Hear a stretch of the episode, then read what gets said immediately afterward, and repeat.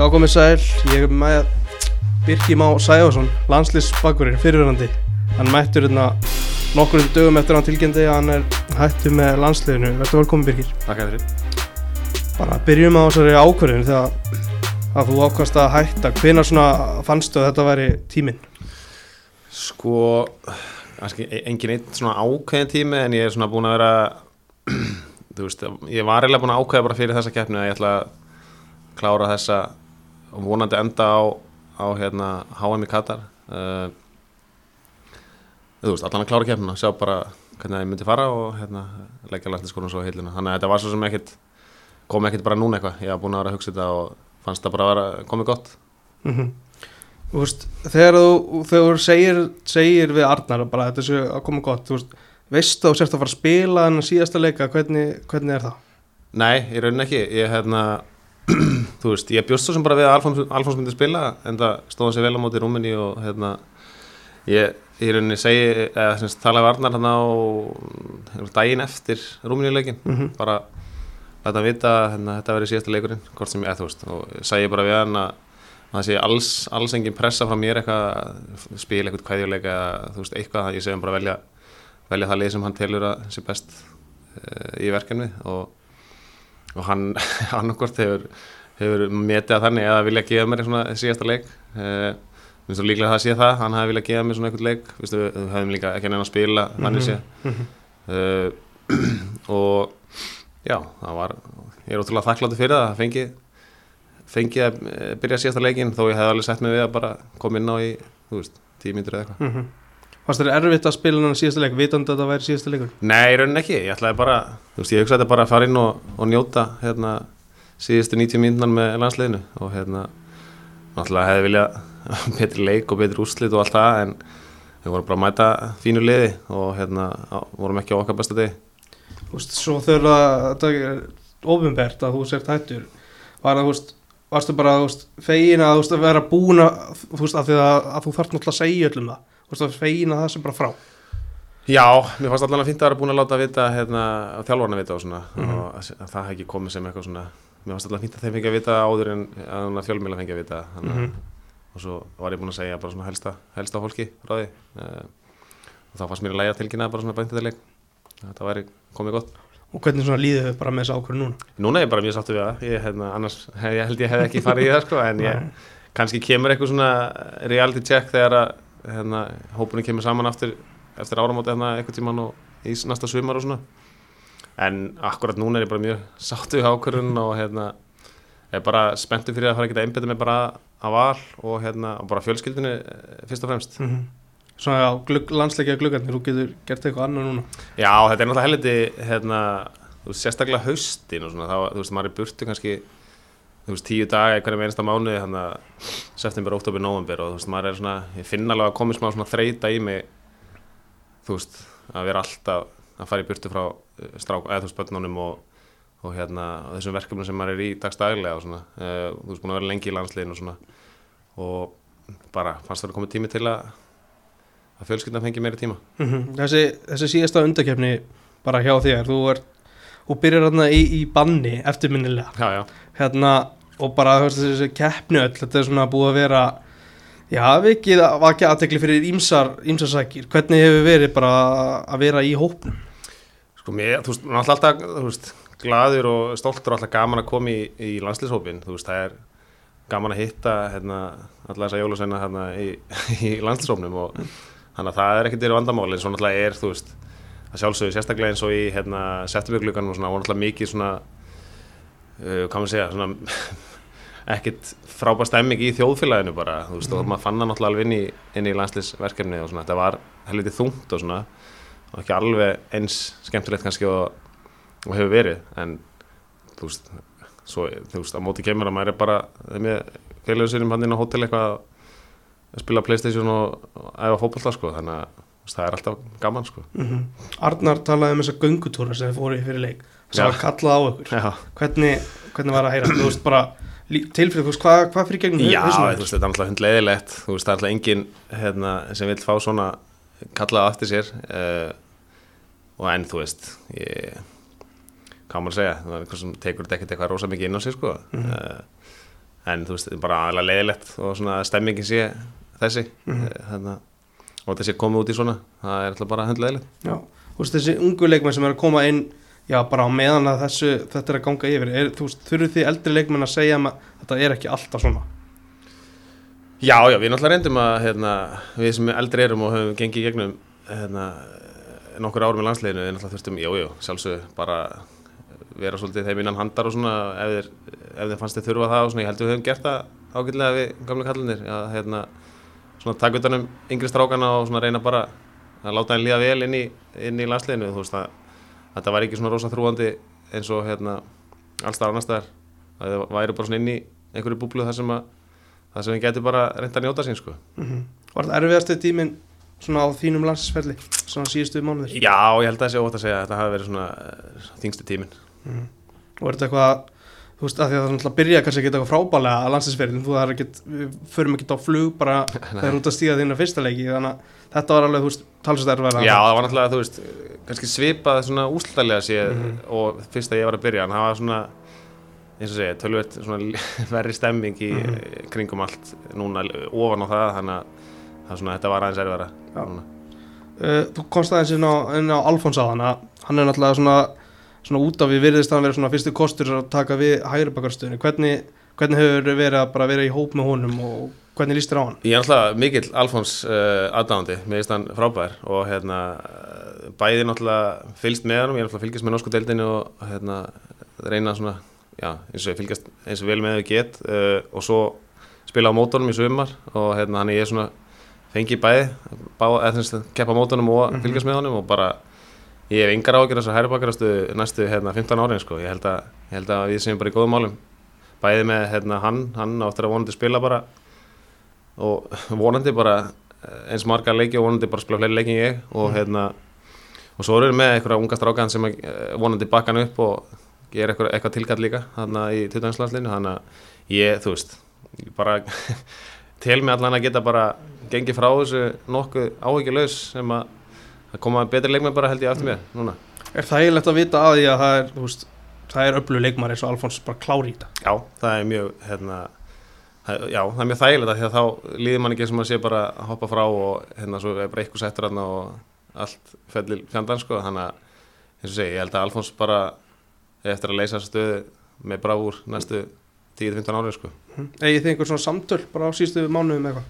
Uh, já, já, þú veist, við höfum alveg talað mikið saman sko, bæði uh, í kringum hérna þessa erubuleiki sumar og, og hérna og svo er bara inn á milli eitthvað í, á hérna samfélagsmiðlum eitthvað svona, eitthvað message og, og svo, þú veist, setjum við saman í kleifanum og eitthvað svona fyrir leiki og bara búin að tala tölvöld mikið saman. Og hérna Alfons er bara mjög hérna flottu gaur, ekki bara gaur í fótbolta heldur bara með hausinn algjörlega rétt skrúan á sem ég tel að sé mikilvægt fyrir hérna bara alla fótbollamenn en sérstaklega svona unga stráka sem er að fara að stíga sem fyrst skrúi í landsliðinu ef hausinn er rétt skrúar á þá einhvern veginn það verður allt miklu öðuldara Finnst þér hann geta spila á að stíð heldur hann í Núri?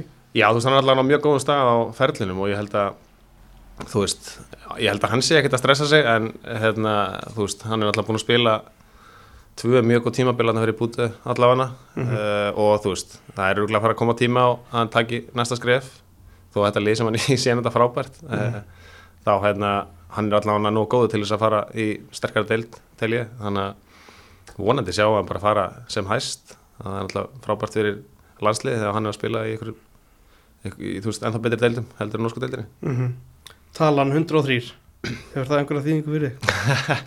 ekki svona fyrirfram en núna náttúrulega helviti stór. En það magna að hafa náð þessum leikjafélda í rauninni, þú veist, algjörlega glórlust með að við svona hvernig fyrirlin fór á stað og svona þá hérna hef ég aldrei séð fyrir, fyrir mér að spila svona marga landsleiki sko. Finnst þér þetta alveg jafn skrítið og mörgum öðrum? Já, já, mér finnst þetta alveg fáralegt sko. ég náttúrulega var ekki þú veist, ég kannski var þokka legu svona á yngri á yngri árum, en þú veist fyrirli fór náttúrulega ekkert að flug fyrir í árunum 20 og þú veist, tveggja eða eitthvað Mhm. þú veist, ég, flestir eru byrjað að spila uh, þú veist, fast í mestarlóðsópa miklu fyrir en það, uh, af þessum gaurum sem eru í landsliðinu þannig að þetta er alveg, eins og segja, alveg fáralegt að ég hafa náð þessu Mhm. Við erum við vindurinn. Hvaðan kemur það? Ég held sko ég held sko Gummi Ben er búin að keira þetta áfram Já. mér finnst það eins og þú er ekki að fullina neitt en ég held að Baldur Aðarsteinsson hefði mögulega komið með þetta Mhm. fyrst þeir kannski eftir að rífast eitthvað um það, ég veit ekki með svona, svona ég, grunar að Baldur hafi komið með þetta fyrst en Gummi er svona búin að keira þetta í gegn alveg mörg ár þannig að mjög hrifin að því þetta gaman að þessu sko. Já, gott, gott Já, þetta er skemmtilegt við erum sko. Já. En þú veist, kemur þetta inn bara þegar þú ert að stíðið fyrstu skrifið mestrarflokki eða setna? Sko, ég, alltaf ekki bara komið í uh, hann að 2000 þú veist, eitthvað 2005-06 tímabilunum hann þegar Gummi var komin í val Mm -hmm. og hérna kannski 2006 eða eitthvað þegar ég var að byrja að spila, eitthvað að viti það hefur kannski farið eitthvað að laumast yfir þá og svo svo, þú veist, ég man ekki nákvæmlega söguna baka þetta sko, en. Gummi fór að taka þetta í lýsingunum bara, hann að eitthvað tíma setna með sko, þá svona festist þetta Akkurat. Hefur alltaf spilað sem hægri bakur? Nei, ég nefnilega var sko kantmaður og framherji alveg bara langt fram í meistarlokka eiginlega sko Mhm. ég hérna, það var ekki um 2006 ég var hæri bakur, þá mittist hérna Steinþór Gísla sem var hæri bakur hjá okkur og ég var settur í einhver, einhverjum þurflega reykjakumóti eða lengjubikar eða eitthvað settur í bakurinn og það fór ekki það eftir það þannig að ég var 22 ára þegar ég var hæri bakur fyrst í rauninni. Þó ég hefði nú eitthvað tíma að lista svona mann ég allan í fyrstu deildinu 2004 þá var ég eitthvað í bakarinnum en annars bara kantinum og viljum hentum stundu fram svona í undirbúinsleikjum og vantaði mark og svona alltaf hlaupi gegn bara. Mm -hmm. og hérna, þú veist þannig að bakur ég ég þóldi ekki að setja mig í bakurinn fyrst sko. En ég held svona eftir því sem ég spila bara nokkri leikjar hérna undirbúinstímul þá sá ég að þetta væri kannski staða sem myndi henda mig vel. Uh, Ég glemta þess í, í spurningunum 103, þú veist af því að meti var 104 og núna er það orðið 105 hjá Mhm. Birki Bjarnasinni nafnaðinum veist, var þetta eitthvað sem þú varst að horfi bara mögulega enda ég landsleiki hestur Já, já, þú veist ég, maður náttúrulega pældi alveg í þessu, þú veist, maður fór að nálgast. Fyrst langaði mig bara að ná hundarleikjum við varum alveg sami meti, sko. Mm -hmm. Þú veist, ég var komið svona nálægt það var einhvern veginn að ná þessar hryggjastaða tölu. Og svo hérna þú veist, þegar maður kom með það, þá hugsaði ég alveg um metið, sko, en ég vissi líka að Birkir væri þú veist, eiginlega á sama fjölda og hann væri að fara að spila sennilega í einhver ári viðbútt þannig að ég hugsaði að skipta engum mál þegar ég myndi slá þetta met þú veist, núna og svo myndi hann bara rúli við metið hvað sem er, þannig að hvort maður sé öðru að þriða þetta skiptir ekki máli, sko. En ef að ég hefði verið einn, held ég sem gæti ná metinu, þá hefði nú sennilega reynd að ná því, sko. Reynd að taka eitthvað nokkra leiki kannski til þess að ná metinu bara. En fyrir mér skiptir þetta volitlega máli, sko. Svona því ég horfði tilbaka og svona reyna að muna hvernig þetta var þegar þú vart að koma kannski inn í landsli og ferði í aðdurum svona. Ertu, ekki, ertu í, í samkeppni við Gretar Rapp Steinsson? Var það einhverju tímpunkti? Sko, þetta var náttúrulega aldrei einn samkeppni þannig sé, hann, hann náttúrulega var að spila í Premier League og hérna, miklu betur leikmaður. Þannig að uh, ég var ofta að spila, sko, ég var settur á kantinn. Mm -hmm. Þú veist, ég voru náttúrulega bara hérna, ekki að ná í úrslit yfirleitt og vorum alltaf volað svona eitthvað veist, það var ekki komið þetta huga fyrir við getum unni bara allavega einhvern veginn það var ekki dottið inn finnst mér svona í minningun allavega. Uh, þannig að ég var settur á kanti til að vera bara eitthvað svona annar hæri bakur basically sko, oft. Og það er náttúrulega, þú veist, ég er náttúrulega ekki kantmaður þegar maður að spila þessu leveli sko, ég gæti kannski spila kanta í hérna, lengi byggandum með eitthvað þú veist, uh, fyrir val en að spila alhanslík á kantinu það er ekki alveg mín uppáhaldstaða sko. þannig að ég var svona bara í aðstöði í varnarleiknum mest sko. Og Greta var bara hæri bakur og ég var bara svona backup fyrir hann. Og ég, þú veist, gerði maður alveg grein fyrir því og það var aldrei neitt vesen sko. Og svo bara því miður fyrir hann þá þurfti hann að hætta bara vegna meðsla og þá þá bara var komið að mér að reyna að grípa þessa stöðu sko. Var eitthvað í hans leik svona sem þú reyndir að setja inn í þinn leik? Já, já, auðvitað, maður náttúrulega, þú veist, þegar eldri og betri leikmenn, þegar maður ræfa með þeim og spila með þeim, þá náttúrulega reynir maður að tilenga sér eitthvað sem þeir eru að gera og ég kannski ekki neitt eitthvað svona konkrít en bara, þú veist, maður náttúrulega lærir helling af svona gaunum sem maður spila með, hvort sem þeir eru yngri eða eldri, maður reynir alltaf að taka eitthvað, eitthvað út úr leikningu það þeim, sko. Mm Þú talar um að, þú veist, þetta er svona hugafara að þið gætu fara að vinna leiki og hvað það kemur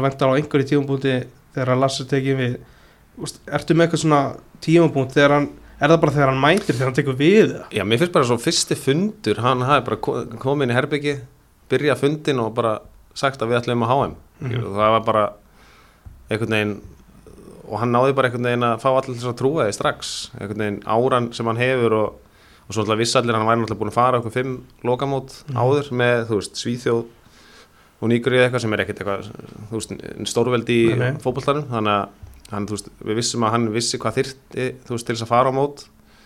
Og hann bara einhvern veginn náða bara strax á fyrsta fundi að svona kýla trúna í hausuna á okkur sko. Mhm. og þú veist, þú byrjuður alltaf vel þá undakefni, unnum fyrsta leikin allavega. Þú veist, ég er þetta svo lélur að svona en við unnum allavega Nóri hérna í fyrsta leik held ég. Mhm.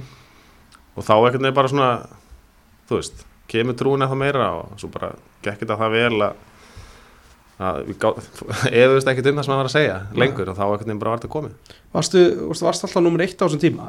Var eitthvað sem var að berist við hana? Mm, ekki sko, mér finnst þess að Gretar hafa náttúrulega verið hann eitthvað í byrjun Mm. hjá Lars uh, og svo fljótlega hægt og þá held ég að ég hef bara verið næstur inn Mhm. og svo var alltaf kom einhverju tímar þar sem að allan einu sem að Tetur Elma spilaði það er setna já, Já, að ég mun man ekkert hvernig Mhm. það var sko. en allan ég held að ég hef oftast verið hérna að lasa að vera á mínu bandi sko. mhm. Þessi, það eru svona nokkri leikir sem er langar að stoppa við eins og uh, leikurinn í Sviss úti mm Hvernig var þetta, var þessi endurkoma bara upp Já, sko ég er alltaf oft hugsað um þann leika því ég var sko persónulega lélur þessu leik sko. Mhm. þetta er svona einn af mínu leikin sem ég man eftir að ég bara, bara einn af mínu lélusta landsleikjum þannig að þú veist það er svona blanda tilfinningar ég fekk alltaf víta á mig og eitthvað mm. í svona leik, Það var mjög klaufulegt víti Það er svona, ég er með svona blandaðar hérna, tilfinningar gafart þessu leik sko. fyrir mitt leiti persónulega var þetta bara lélegu leikur Mm.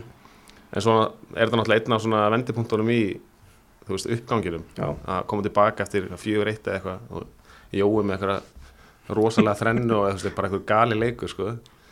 og hérna og ég efast um að fólk muni eitthvað eftir hvernig ég spilaði þessum leika, þetta er bara svo risastór leikur Mhm. en þú veist, þessi, leikur er alltaf í haustum á mér sko.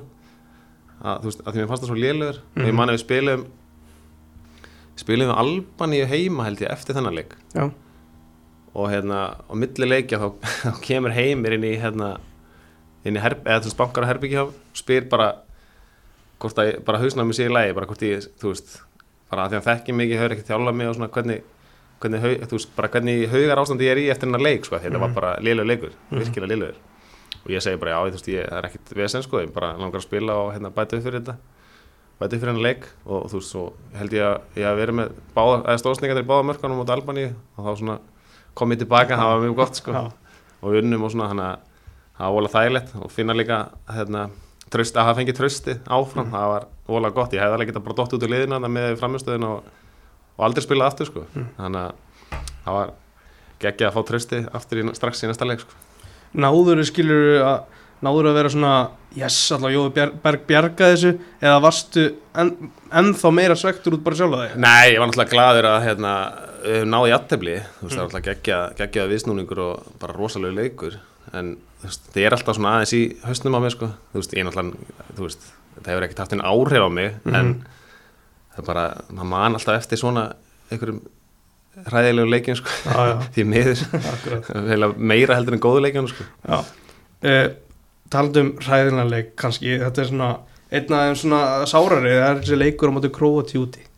Þegar að það er þessi fíni séns bara auðvitað Króati að stórt, stórt og gott lið að vinna þá og fara á HM hvernig svona, og ferða þess inn í bara farandi út í Króati hvernig er svona mindsetið, eru þið bara þetta er bara 50-50 eða voru bara við erum frá að vinna þetta Já, ég held að við höfum bara farið út að, og hugsa að við varum að fara að vinna bara uh, og sérstaklega þeir fá hérna, rauðarspjaldi bara á 30. mínútu eða Mhm. fyrir eða ekki, ég man ekki eins og Já. hann frekar snemma fyrir áleika allavega og ég held að við höfum bara þú veist við allir ætlum bara að fara áfram en þeir voru með aðeins svona þeir voru aðeins reynslu meiri heldur við og, og hérna við vorum bara ekki konum með þetta þessa stórleika reynslu því Mhm. miður og hérna og þeir voru alltaf bara útrúlega góðir það var alltaf ennþá sára reyla þegar þeir fengi að opna leikina mútið Brasilíu í Brasilíu sko. Það var svona að hugsa maður bara goddammit, það er verið þarna sko. en sem betur fer þá hérna rífum okkur helviti hratt upp og, og náðum góður í keppni annað næst. Mhm. í minningunum var mikið gert úr því að að fórsetin hefði borðað með ykkur eða hvernig þessum það var Já, hann kom þarna og borðaði með okkur hátíðismat sko. Mm. en að slá því upp eins og það hefði eitthvað haft afgjörnandi Já, úslit á eða semst, úslit áhrif á frammustöðina er náttúrulega bara þú veist, ekki neitt sko, er bara gaman að hann hafði kíkt við og hérna, setið með okkur að spjalla hann ég held menn voru bara í róleitu sko Mhm. Eftir þetta tap í Króti, er það strax bara í klefanum þar sem þið hugsaðu næstu keppni eða það fundur þið hittist næst eða frá leis? sko það var náttúrulega, vonbreið voru náttúrulega ótrúlega sko, ég held að menn hafa verið bara ég man, menn voru bara mjög lengi að koma sér eftir í svona góðan gýr, eða ég man rétt í þú veist, leikmenn, þú veist, bestu leikmennir okkar voru allir svona frekar lengi að staða aftur um haustið með liðunum sínum. Og svona enginn held ég sem að verið með einhverjar einhverjar drauma framistöðu svona framanna og svo held ég bara, þú veist, þegar landslík kom saman aftur þá einhvern veginn ég man ekki eins og hvernig byrjaði svo kemni, mannst þú það? Nei, nei, Nei, nei, þetta er Það hlýtur held að ég. byrja vel, já, Já. Örugglega Tyrklandi eða eitthvað heima eitthvað. Já, gengur yfirleitt vel þannig að mhm. hérna, allir bara, þú veist, ef við fórum að þú veist, náum góðum úslim í byrjun strax, þá held ég að trúin hafi bara komið aftur það hefði kannski verið verra en með byrjaði að tapa og eitthvað svona en hérna, já, ég held að við leðalagsleikum saman þá yfirleitt voru mennóðnir glæðir aftur sko. Þú veist að horfa á HM 2014, var það hægt eða? já, já, það var alveg hægt en að það var, ég man að það var svona fyrsta skipti sem maður horfði að loka og það var bara þú veist, ekkit, eitthvað svona rosa spenntur fyrir því, sko, það var ótrúlega mikið svekkelsi að vera ekki hérna sjálfur. Þegar, þú veist, að því maður held að því, þú veist, það var eitthvað neginn svona að því við vorum svo nálætti og einhvern veginn maður kannski grunaði að kannski kemur aldrei möguleikin aftur, eða þú veist, einhvern að hérna, það hefði ekki verið einu möguleikin að fara á lokamót og eitthvað svona. En sem betur fyrir þá var það ekki þannig. Nei, akkurat. Það komist á, á, EM og það eru nú nokkri leikir í undakefninni svo, já, sigurðin á móti bara Hollandi sérstaklega. Mikið tala um þá að þeir hafi verið kannski þeir öflugust og, og hort tilbaka kannski Hollandi ákveðinni í þessu öfliða en ekki til þess að taka af ykkur af því að þetta voru geggjaði leikir og, og ég var á vellinum í- sem bara áhörð í fyrirleiknum og það var stórkostlega svona stund bara því að svona, það var allir í takt áhörundur og var allt, allt með ykkur. Mm -hmm. Funduðu bara að þetta væri þarna er sjensin í alvöru fyrir hendi að bara fara beint á EM. Já, já, algjörlega. Það var alltaf ótrúlega stemmingin á hérna þú veist, við náum að gera laugatasvöld að einhverjum bara einhverjum, hérna hvað segir maður gera svona leiðilega völl að ótrúlega skemmtilega völli Mhm, mhm. og þú veist, það er alltaf bara áhverjum að þakka. Og hérna, þú veist, það er rosa auðvelt að eða veist, sérstaklega við svona velli með hlaupabraut og svona, og, sem er ekki loka allar hringir og svona, veist, það er erfitt að búa til eitthvað stemminga á svona völlum.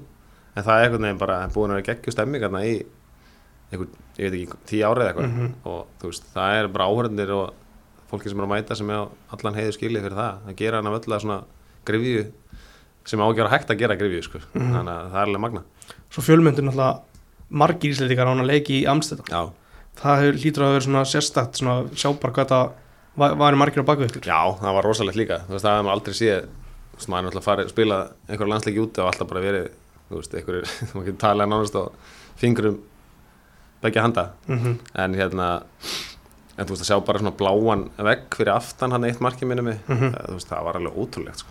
þetta, einhvern veginn, maður hefur aldrei gruna að maður myndi ekkert maður spila útileik fyrir Ísland og það væri bara hérna, þú veist, einhverju þúsund nokkur þúsund manns, ég man ekki hvað varu voru ekki eitthvað þrjúðust Jú, manns þetta var bara að sjá myndirnar á gödunum eftir leik. Já, þetta var allt sko. stút fullt af Íslingum hann, sko. mm það var alveg ótrúlegt sko. Svona, ég minnir að lokaleikurinn hafi verið á móti Kazakstan í þeirri undakefni þegar þið tryggja ykkur hérna á lögatasvelli já, er svona loka mínútina, bara býð eftir að þetta er bara búið. Já það, ég, minn, það eru það var það var ekki 0-0 eða eitthvað, fór hann ekki svoleiðis leikur og var ekki, þú veist, Aron fekk raukt eða eitthvað? Ég veist, en það man þú veist, ég man alltaf ekki nákvæmlega hvað, hvað þurft að að, en þú veist, einhvern veginn alltaf hafði maður áhugir að þeir myndu skora og eitthvað svona, mm að því að var 0-0 bara ennþá. E, þú veist, ef ég er að mynda rétt sko. Mhm.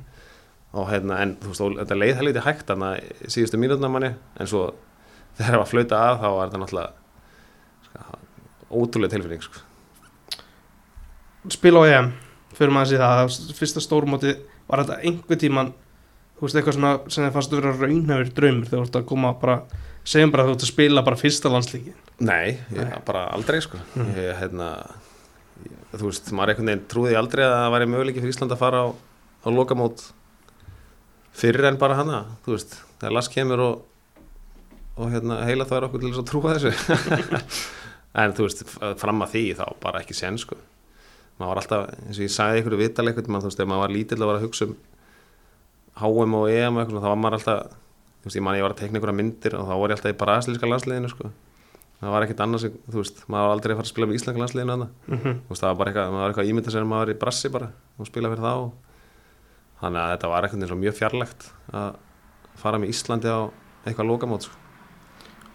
og þið mæti hérna sko, svo þetta sé allt saman rétt hjá okkur þá er það uh, sjá, hérna Tyrkland, Ísland. Nei, ég var að rugglast örugla okkur undan, nei, það var á móti Kazakstan Já. 0-0, það er rétt hjá þér. Og fyrsti svo hérna þá eigum við sko tvo leiki eftir að keppni í rauninni.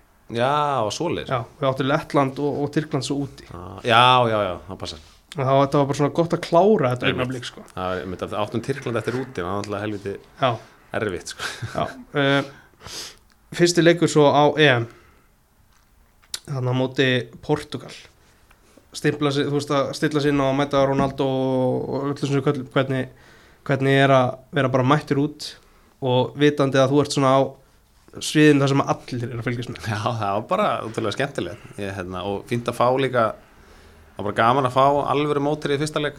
Uh, þú veist að fá bara besta fótballmann í heimi eða þú veist einna, tveimur allavega þannig að á móti sér bara beint í andliti þú veist allir heimurinn að horfa mm -hmm. að það hefur bara fínt að að taka þannig leik í byrjun og hérna, þú veist, það hefði náttúrulega geta enda með skell sko, en eh, sem betur fer, hann náði góðum úslitum og það er einhvern veginn svona gaman ennþá meiri trú ef maður, maður getum gert eitthvað í þessari kefni og hérna þú veist, hvort sem veist, hefði ásum alveg geta að fara áfram en þó hefum tapað þessu leik Mhm. þannig en þú veist, eitthvað svona gefur auka búst bara að hafa bæði gert játtölu og svo að að Ronaldo sé hérna eitthvað kvartand og kveinandi í fjölmjölu það gefur manni líka svona ekstra það er svona ekstra ánægja mm Mhm. þannig að ég held að það hefði gefið okkur stórt spark áfram í kefnina sko. Mm hann alltaf kvartar yfir að því að hafa fagnað eins og þið hefði unni leik. Já, en þið leiði ykkur eins og það hefði unni leik?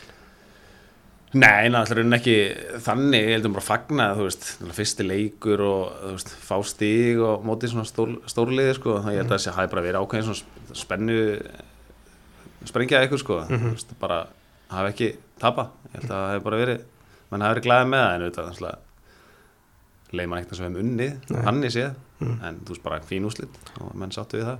er eitthvað svona, eitthvað sérstöð saga sem þú mannst eftir að þú veist í kringum hennar Portugal-leik eða, eða Ungarleik sem þú langar að segja eða þú fara beint í Austuríksleik Uh, já, nú ekkit, ekkit svona sem mann eftir eitthvað Mhm. sérstætt, sko. Það bara, ungarlandsleikun var heldur þungur mig persónulega mm -hmm. og hérna og svo vond að hérna vita til þess að þú veist ég gat, eiginlega, þú veist ég hef oft horta á þetta marka aftur og svona, það var lítið að gera í rauninni sko en þú veist það hefði verið helviti þungt að ef þetta mark hefði horfið til þess að kemst ekki áhrað til dæmis sko. Mhm. en sem betur er þá hérna þá var það lægi og svo fengum við að hitta fjölskyldunar og svona eftir þannig leik líka þannig að það var aðeins svona létti líka aðeins lundina sko þannig að ég fikk að hitta alla og hitta konuna og svona. Já, vola gott. Eftir svona erfiðan leik. Já, það voru það var náttúrulega sett upp bara eins og við ættum bara að vinna basic. Já, það var náttúrulega íslen, hérna, íslenski hugsunahátturinn alltaf hérna, að oft svona, hvað segir maður, eh, ekki óraunhaft endilega en svona, svona heldur há, háa, háa kröfur á að, þú veist, að Ísland eigi bara að vinna Ungverland á okkur lokamóti, þú veist, það er náttúrulega bara vitleysa sko, Mhm. þeir eru með, eins og sást í þessum leik, þeir eru bara mjög gott lið og hérna, eitthvað sennilega vestileikurinn okkar í kefninni sko. Mm -hmm. Móti Austuríki þá er staðan 1-1 Nei, það voru ekki, hvað er 1-0-0 held ég Ég, er- ég fer yfir þetta hennar Nei, það var 1-1 eða ekki? Það var 1-1 með myndið þannig blá Jóndaði skoraði Jú, eftir 1-1. langtíkasti, já. og svo er það Arnór Ingur sem skorar hann upp á tíma bara í, í stöðun 1-1 þegar þeir liggja okkur hvað, þú veist, hversu hægt leiði tíminn það Hann leiði mjög hægt, allir setnaðalögur leiði mjög hægt Já. Ég man að Kári blokkaði svona áttaskotin í tegið eitthvað og þú veist, þetta var bara ótrúlegt dæmi sko, því að það er eiginlega fáralegt að þeir hafi ekki skorað fleiri verk svona þegar maður hugsa tilbaka að því við vorum bara inn í tegið eiginlega alla setnaðalögi sko. mm -hmm. og hérna, þeir náttúrulega urða að vinna til þess að komast áfram Mhm. Þannig að maður held einhvern veginn alltaf að ef við myndum ná einhverjum skyndisóknum þannig við náðum því bara aldrei það er bara lága á okkur enna fyrir hann alveg í lokin og það var náttúrulega ekkert eðlilega sætt þegar þegar við skorum þetta mark bæði það, þú veist jafntölu hefði náttúrulega duð alltaf að fara áfram en að vinna og fá þú veist, þess vegna England í næsta leik þú veist, það var einhvern veginn svona allt við það var bara rosalegt sko. mm. Augnablikið þegar Arnór Ingvi skorar er þetta, er þetta, er þetta meiri léttir er þetta, eða meiri gleði bara pjúra gleði Já. held ég sko. Þú veist, að því að, að ég veit það ekki. Bara já, það er kannski smá léttir hérna líka af því þeir eru alltaf búin að ég veit ekki hverja tölunar í úr svona leiki eru það hljóta að vera freka, halla freka mikið á okkur sko. Eitthvað aðeins. Eitthvað aðurlítið. En jú, nei, það er bara ógeðslega mikið gleði þú veist, að, held að það hafi sérst á fagnarlátanum hann, menn voru mjög sáttir. Mm -hmm. Englandsleikur en það er náttúrulega við lendum undir snemma. Það er vítaspilna 1-0 fyrir þeim veist, var engin ef í þínum huga að við myndum koma tilbaka? Nei, í rauninni ekki. Og, og hérna ég man að við, veist við vorum veginn alveg pressulausir í þessu leik sko. Þá það var þægilega svona uppbyggingin að leiknum. Mhm. bæði, þú veist, var maður, þú veist, var komin þetta langt og svona, án þess að vera sattir samt. Uh, og svo var, var Lars búin að bara greina það alveg í sundur og saman Mhm. og við vorum að sjá hérna, hann búin að sína okkur helling og bara hann vildi bara meina að það væri algjör bara þvílitt ofmetnir Mhm. og síndi okkur bara og við bara sáum það svarta hvítu frá honum þannig að þú veist, þeir skoru þarna en við held að enginn hafi fengið neitt panik sko Nei. og svo var náttúrulega mjög gott að jafna til til að fljóta eftir þá, og þá sá maður líka á þeim að þeir veginn kom eitthvað svona vonleis í það sko mm -hmm. þeir náttúrulega sennilega eitthvað vannmatt þarna líka og svona og þeir byggust ekki alveg við þessu og við náðum veginn bara að róta það sko og ég, þetta var heldur bara þægilegasti leikurinn á, í keppninni. Já. fyrir utan kannski síðustu tíu mínuna þegar Rassfólk að vinna það var allir rótnir freka þreyttir og ég var alveg búinn og Jói að búinn og hérna fá hennan gaur keirandi á sig bara hvað eftir annað, það var, það var erfitt sko. En sem betur fyrir, var svona náðu að halda um aðeins í skefin. Uh, það var mikið, þá veist, ég hef heyrt svona einhver svona, ég held að svona aðalega Tómas Þór Þórðarsson, fjölmjölamæður sem við talaðum þegar að England gerir skipt ykkur sem þetta Jack Wilshere. Já, í hálfleik og þá hugsaðan okkur þetta er komið. Já menn. Var eitthvað svona augnablik sem að bara ok, núna er þetta komið, þú veist, þið eru í 2-1 þið eru að fara að klára þetta. Þú veist, ertu stressaður allan upp út tíman eða hvernig er þetta? sko, eins og segja, mér leið mjög vel eins og þangar til bara 80. mínútu held ég þú veist, mér fannst við aldrei nefndin einu vesinni Mhm. við vorum eins að fá færi til Já. að bæta við alveg nokkur Mm, Aron Einar að Já, keyra Aron með það og Raggi með eitthvað hjólestspilna ég átti eitthvað skot með vinstri þarna sem hefði alveg geta farið það var aðeins lægra, Mhm. það getur verið hættulegt þú veist, og þeir sköpuðu sér líki neitt eða maður rétt mm. og hérna, hann, þú veist tilfinningin af vellinu var betri heldur en til dæmis í bara eiginlega öllum hinuleikjanum fram að þessu uh, en svo kom hann, hann inn á hann já. og, og svona sprengdi þetta þessu upp og þá svona f- ég segi ekki að maður hefði orðið eitthvað stressaður en það var svona þeir allan að hef, ef þeir hefði gert áskiptingu fyrir til dæmis þá kannski hefði þeir náð skapa sér eitthvað meira. Mm. svona eftir á að hyggja að setja hann í staðin fyrir Vilserinn og það kannski verið snið en ég man þetta ekkert eftir því að Vilser hafi komið. Hann kannski segir ímislegt um það hann kannski gerði ekki mikið. En hérna jú og svo náttúrulega þegar að maður sér klukkuna nálgast 90 og svona verður maður smá stressaður Mhm. sjálfsög að því að það hefði verið heldur erfitt að fara í framlengingu held ég. Já, með svona spræka spræka englendinga og þið búin að spila alla já og við náttúrulega vorum búin með sama liði mm í öllu leikjunum og svona menn óttan heldur lúnir. Já. Uh, eftirleik þá er svona þá er ljóst að þeir að fara semst, að fá, fá frakka í áttalúst heimamenn. Þú veist, gat, þú veist, var það það sem þið vildu, voru það bara vitandi að frakkar eru þetta frábært lið og liðin að það voru virkilega góð.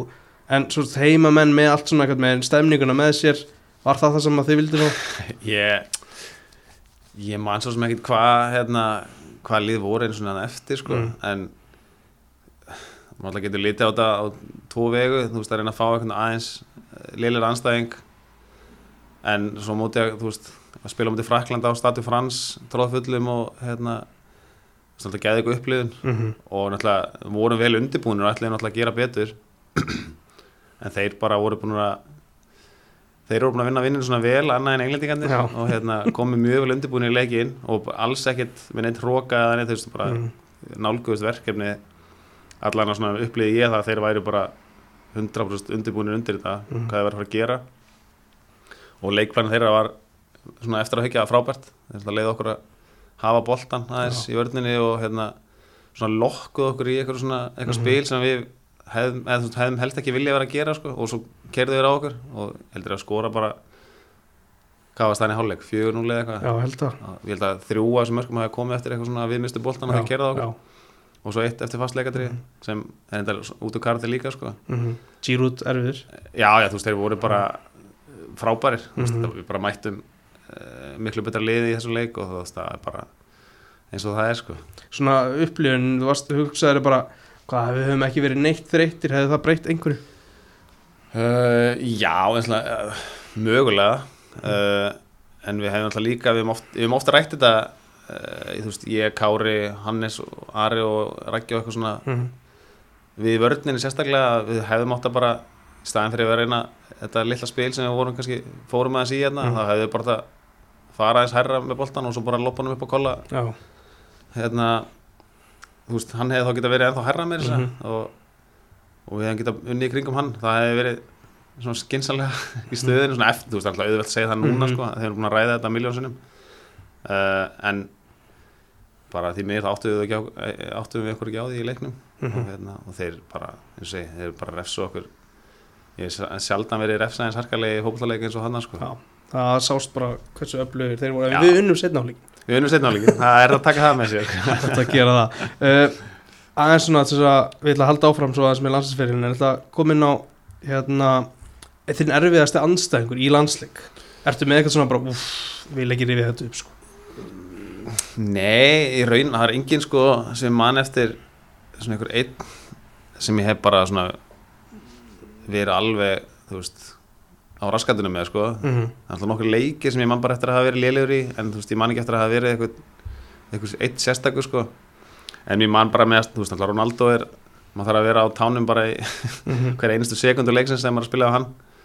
Uh, svo hérna hann í Austuríki, Arnautovic mér fann- hefði fundist hann, mér fannst hann hann er svona eitthvað sem dúkkar alltaf upp sko. Að hann er veginn þó hann hafi aldrei náða svona ná svona alvöru flugi í ferilin þá er hann meira ósa mikið hann er fljótur og sterkur og algjör fáitin á vellinu sko. Mhm. hann hafa svona stanslust eitthvað maður er alltaf í einhverju vesenni sko. Hann keirir á mann og þú veist er eitthvað þú veist, í manni alltaf og ríðandi kjátt og þú veist, hann er svona, hann er svona sterkur í minningunni sko, hann er erfitt að eiga við hann. Mm en þú veist, alltaf ekki Ronaldo samt hann, ég spila, þú veist, þrísar á móti honum með eitthvað. Þú veist, að maður gleymi sér í eina sekund og þá er hann alltaf komin eitthvað allt annað og, og, lendir einn og einn á mótunum og þetta er bara vesen. Það er bara ógeðslega góður. Við stoppuðum við hennan uh, Sviss, leikum móti Sviss á hann er einhver, þú segist náttúrulega hafa átt eðlilega einhverja, einhverja dabra leiki. Er einhver sem var, síður, þú manst svona skýrir eftir en sáleik þú veist, og var átt á mondan dag uh, í rauninni ekki sko, sáleikur er einhvern veginn alltaf ég man eftir honum. Mm. Og svo voru alltaf einhverju leikir hérna í byrjun fyrirlisna sem að ég var á kantinum og eitthvað svona sem var ekkert mikið að gerast sko. uh, en svona þegar ég hugsa þetta þá er alltaf er eiginlega bara þessi svissleikur sem ég svona mann eftir veist, en auðvitað eru fleiri leikir hann sko, en það er bara sáleikur var svo mikið mikið rugleika hugsaður, einhvern tímann að þú veist, þegar þú ert að koma inn á kantin bara af hverju er ég að koma inn á kantin af hverju er ég ekki bara á bekknum? auðvitað, ég, veist, það voru alveg kantmennana sem voru á bekknum Mhm. og hérna uh, sem hefði, þú veist, ég veit ekkert uh, hvort það hefði verið skynsalega að setja þá inn á eða ekki, sko, en þeir vildu sennilega hafa eitthvað svona, eitthvað hraða og eitthvað svona varnavinnu á kantinum. Uh, það var sennilega pælingin. Og hérna, og ég, þú veist, tók það alveg á mig mm vildi spila og allt það. En þú veist, maður hefði alltaf viljað spila sína stöðu frá byrjun, sko. Akkurat, félagslega ferilin þú verður út frá val hvað verður getið til Noregs fyrst? Já. til brann. Brann og þú veist, hvernig var þessi tími í Nóri varstu þetta bara klárt skrif upp á þið Já, já, var það. Norska deildin er náttúrulega betri en margir íslingar haldi. Ég held að við segjum aðeins farin átt okkur á því að þetta sé uh, góð deild, svona sérstaklega þegar norsku liðinu voru að ná einhvern árangur í erum kemna og svona. Mhm. Að þú veist, það er, alveg- er alveg skrif upp á því, þú veist, það sé ekkert eitthvað reysaskref, en þetta er fínt svona milliskref fyrir íslinga að taka úr deildinni hérna. Uh, þú veist, og ég man alveg fyrstu, fyrstu svona vikuna, þú veist, það var alveg erfitt á æfingunum, þú veist, að maður fylgdi ekki alveg með tempóun og þú veist, það voru einhvern veginn allir aðeins betri heldur en heima Mhm. og þá verður þetta svona bras en maður er á samaskapi fljótur að ná upp í þú veist levelið einhvern veginn og það gekk vel í rauninni uh, alveg frá byrjun sko ég mm. var ekki hugsað sem byrjunlismæður þegar ég kom hann fyrst uh, ég átti svona, það var hæri bakgrunn sem var að þú veist, að fara að leggja skóna á hillinu og hann að, þú veist, ég átti að koma svona hægt að róla inn í þetta. Mhm. og það var þannig bara, þannig að þú veist, það var engin press á mér þarna fyrsta hálf, ég kom að miður tímbili Já. og var svona setni parturinn eftir. Þannig að ég gæti svona bara spila einn og einn leik og hinn spilaði hinn og þú veist, það var svona þægileg byrjun. Eftir að ekki er það kannski bara svona akkurat í rauninni drauma byrjun þú veist alltaf að hann er að fara að stíða til hliðar á endanum Já. að þú ert líklegastur til að taka því hlutverki og þarft ekki að vera stressaði rosalega mikið í byrjun Já, það var volið þægilegt uh, en svo er ég náttúrulega bara líka þólimóður og rólegur að eðlisfari þannig að ég, veist, stressa mig voða lítið á hlutunum sko. mm. og hérna, en það er veist, mjög þægilegt að vita til þess að, að hérna, pressan var ekkert á mér að veist, spila og, hérna, og standa með eitthvað þannig sé heldur bara að reyna að grípa sensana þegar ég fekk það og, og sanna, þú veist sín og sa- að sanna að ég ætti að vera næsti hæri bakur Mhm. og þannig að það gekk ákveðlega og ég spilaði svo bara hérna eitthvað nokkuð tímabili röð á þess að bara koma nálátt bekknum sko. Mm. Varst ekki að spila með einhverjum íslendingum í bara? Jú, ég var að spila með, þegar ég kom þá voru hérna fjórir, það voru Ólafur Örn Bjarnason, Mhm. Kristinn Öll Sigursson Ármann Smári Björnsson og Gilvi Einarsson Já, þannig að það var líka alveg ekstra þægilegt að hafa svona samlanda og þeir eru náttúrulega frábærir og hjálpuðu mikið til og hérna svona gera manna auðveldara að koma inn í nýtt land og svona hjálpuðu til með praktiska hluti og svona, það var rosa þægilegt sko. mikið saman svona auðvitað og svoleiðis eða? Já, já, já, já, ég eittumst mikið og hérna, ég og Ármann Smári og hengum mikið saman Mm. og fjölskyldan okkar og svona og svo hittum við hérna alveg oft líka sko. Það frækt þegar þú kost heim að þú fórst að í einhver vinnu með fótboltanum Varst að gera eitthvað, þú veist, hvað varst að gera með fótboltanum úti? Nei, ekki, það, þar gerði ég ekki neitt sko. Nei, Það varstu er ekki skólað eitthvað svoleiðis? eða? Uh, nei, því miður, ég er svona eftir á að higgja þá hefði ég náttúrulega átt að gera það sko. Mm. en uh, þú veist, þegar maður kemur hann út þá vill maður veginn bara njóta þess að Mhm. vera atvinnumar í hópólta og hérna, en ég mæli með því fyrir alla sem er að fara í atvinnumar sko, að þú veist, það maður þarf ekki að gera mikið en að reyna að taka eitthvað nám ef maður getur, af því að það er veist, maður þess maður að fara þú veist, ballus, með tvö börn svona, Mhm. þannig að það var kannski ekki ekkert alveg laus dagurinn sko. Mhm. en hérna en þú veist, þetta var frábært það, maður gætt í, í staðin fyrir að vera að læra eitthvað, gætt maður bara sótt börnin snemma og hérna hangið með þeim og eitthvað svona þetta er náttúrulega frábært tími fyrir fjölskylduna þessi tíu við vorum úti Uh, Þú svona utan æfinga, þú veist, auka æfingar og svoleiðis Hefur, ertu mikið í því, ertu veist, mikið að æfa einn sjálfur? mm, yeah. já, ég hef alveg gert eitthvað að því sko. Ég, en það er sama með það maður hefði alltaf viljað gera meira því það er eftir að klókur eftir á uh, en jú, ég hef alltaf verið duglegur að hérna, að gera auka sko, held ég sko. Mm. og svona, það sem ég þurft að vinna í hef ég gert svona gegnum fyrirlið sko. Já Er, er fótboltið aðal áhugamál?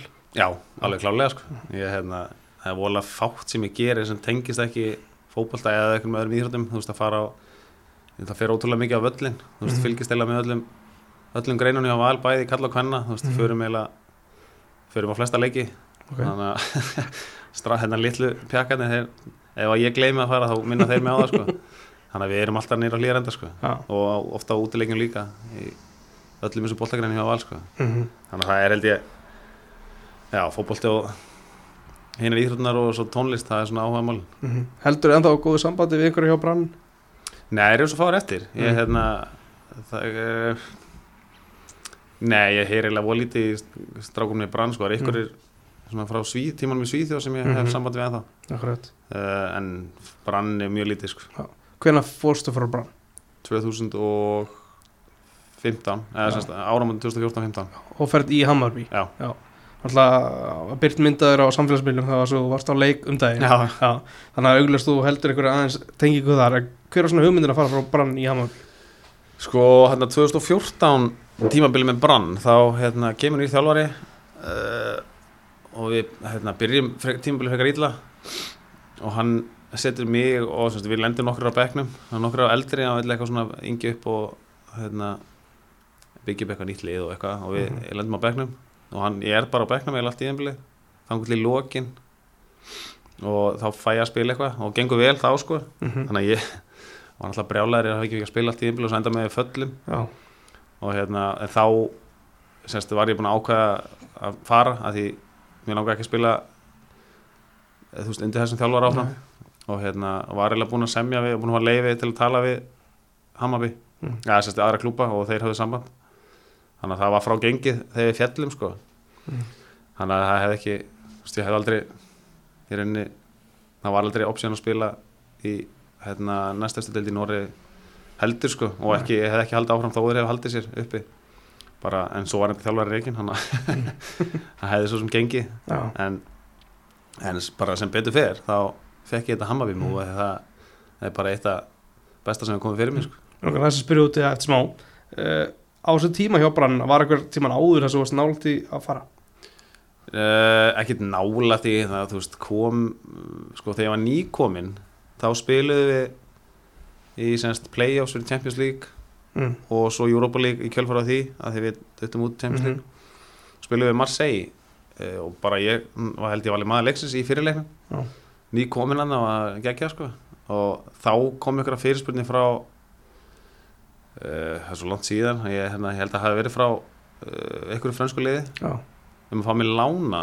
Og brann sagði bara nei og ég var svona veist, ég var ekkert að gera mál út í því, sko, var, ég var nýkomin og langaði bara einhvern veginn að, að hérna, festa mig í sessi þar og svona. Mm þannig að það var, fór ekkert lengra. Mm. og en svo var þetta alltaf bara eitthvað svona eitthvað, veist, það kom aldrei neitt konkrét. Mm. það var alltaf bara eitthvað svona þreyfingar og heyrði eitthvað og svona leið, mér leiði alltaf bara svo vel að, veist, ég var ekkert alltaf að íta á eitthvað múf og eitthvað, veist, ég gerði bara nýja samninga að þið vildu halda mér Mm. áfram og að ég var ánæður það var ekki að vera eitthvað Rosenborg eða eitthvað sem maður vildi fá þig Nei, ég heyr aldrei neitt allavega, það fór aldrei neitt svo langt ég sagði því bara við eða umbúsmanni minn en þú bara taka þetta Mhm, og látt mig vita að mhm. kemur eitthvað hérna, þú veist, sem hættir að fara í eitthvað viðræða Já. sko, en bara ekki tala um mig fyrir en það kemur því ég nefndi ekki að láta trubla mig sko. Og við vorum ótrúlega ánað í Bergen Já. þú veist, það var geggjaði bær og, og þú veist, ég var alltaf að spila og mér fannst það bara fínt og hefði það bara gott og ég var ekkit, ég er volað svona eins og segi, bara rólegur og nefndi ekki að vera ít á eftir einhverjum Mm. hérna, einhverjum flutningum sko já. En franska lið sem hafði áhugaður bara bursið frá hvaða lið var hefur þú veist, ef þú fengir að upplega þetta í dag hefur þú viljað fara? Já, það er gaman að prófa það en Mm. á samanskapi þá hefði kannski verið verra fyrir fjölskyldun að vera alltaf eitthvað að flutning, mm. flytja út um allt og hérna, krakkarnir hafa aldrei fengið neitt svona neina festu í lífið sitt veginn en í staðinn þá bara erum við með rosa hérna, erum við rosa góða vini í bæði Bergen og Stokkólmi sko, mm. því að ég var ekkert alltaf að fa- fara að færa með eitthvað að set sko. Nei, og þú veist, ég er brótulega þakkláttur fyrir það. Og þú segir, menn ég var alltaf ánæður þá fannst mér ekkit engin ástæð til þess að vera alltaf að leita að einhverju nýlu maður mað heyrir ekkert svo oft um mig svona gauri sem er alltaf að leita þess að einhverjum flutningum sko, ég skilða alveg, þú veist.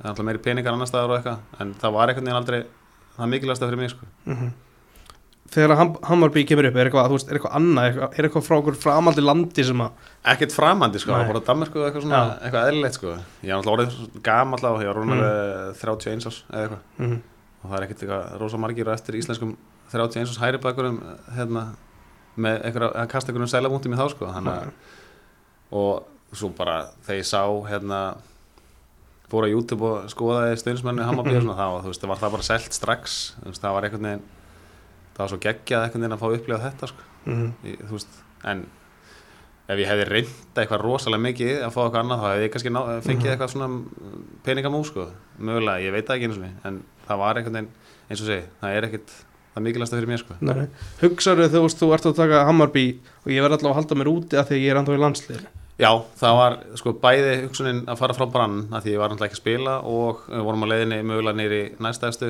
og Mhm. þarna var sérst EM Akkurat, bara handið á hotni já. Og þá hugsaði ég bara ég er það hérna, að finna mér eitthvað liði sem ég spilaði í Mhm. og helst í efstu deild eitthvað sko. Og tíminn hjá Hammarby bara svona heilt yfir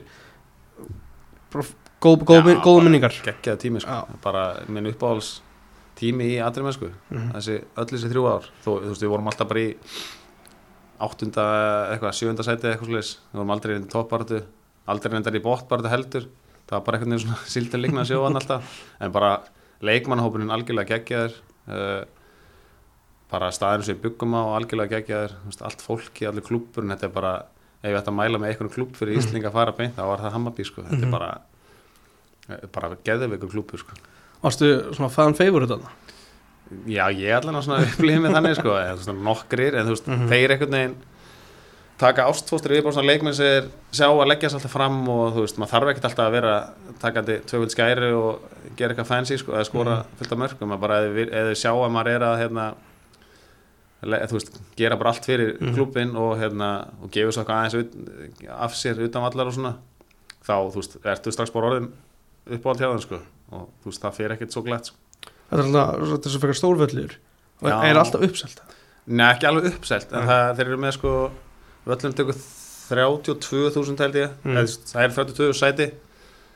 Uh, þess eru með svona 25.000 að meðaltali. Já, og svo þegar eru nágrunarslagur og leikið í Malmö og, og Gautaborg eitthvað svona þá er það svona nánast völlur það megi ekki vera meira en 28 sæti á nágrunarleikinu Já. það er svo mikið auði plássa milli hérna sem sagt últras og, og hinna stundismannina komið upp fyrir óverið svona Já, þú veist, þeir eru netaðir inni bara, hérna, hérna, hvað heit það, þeir sem koma, mm -hmm, gestirnir gestinir, já, Já, er settir inn í net bara og svo er alveg, ég veit ekki hvað margar raðir, bara auðar við hliðina. Mm og þannig að það er ekki hægt að fylla völlin í þeim leikjum, sko. Þeir eru frekar æstir hérna oft, oft á tíðum. Lendur einhvern tíma í einhverju, þú veist, að gestirna væri kalla eitthvað á þig og erum einhver leiðindi? Nei, það er nefnilega kostinu við að spila sko á svona stóru völlu, maður heyrir ekki svona orðaskil, Mm. það er eiginlega verra hérna heima, sko, maður fær meiri svona skít hérna heima, maður heyrir það alltaf. En úti þá er þetta bara eitthvað læti, sko. Og svo, þú veist, ef maður taka yngast eitthvað og er eitthvað eitthvað brjálaði svíði fyrir aftamanna öskar ekki ámaskilur, það, það er bara skemmtilegt. Ég hef allavega mjög gaman að þessu, sko. Og þessi nágranna leikir hérna í Stokkólm er náttúrulega bara upplýðin út af fyrir sig, sko. Mm Er þetta eitthvað sem að að halda áfram að gera, að kíkja út á leiki? Já, ég, algjörlega, ég hérna vonaði að maður geti gert þetta bara sem oftast mm Mhm. því að þetta var eiginlega bara einn af skemmtilegri dögur sem ég upplegaði þessi sunnudagar hérna fyrir leikin og á Mhm. leiknum og svo náttúrulega unnir á móti AEK líka sem er náttúrulega ekstra skemmtilegt og svo Mhm. þú veist fóru við hérna eitthvað ákveð pub eftir leikinu og eitthvað, þetta var allt bara fullkominn dagur sko. Finnur að, þú veist, finnur eitthvað fyrir að Jón Guðni sé vel liðin hann Já, hann var mjög liðin hann Mhm. hérna þegar ég held að það var mjög ánægð með hann og hann bara algjör helviti synd að hann hafi meðist þarna Mhm. af því hann var að gera mjög vel sko. og það er svona leikmaður sem að vantaði hann í, í liði þannig að því miður bara.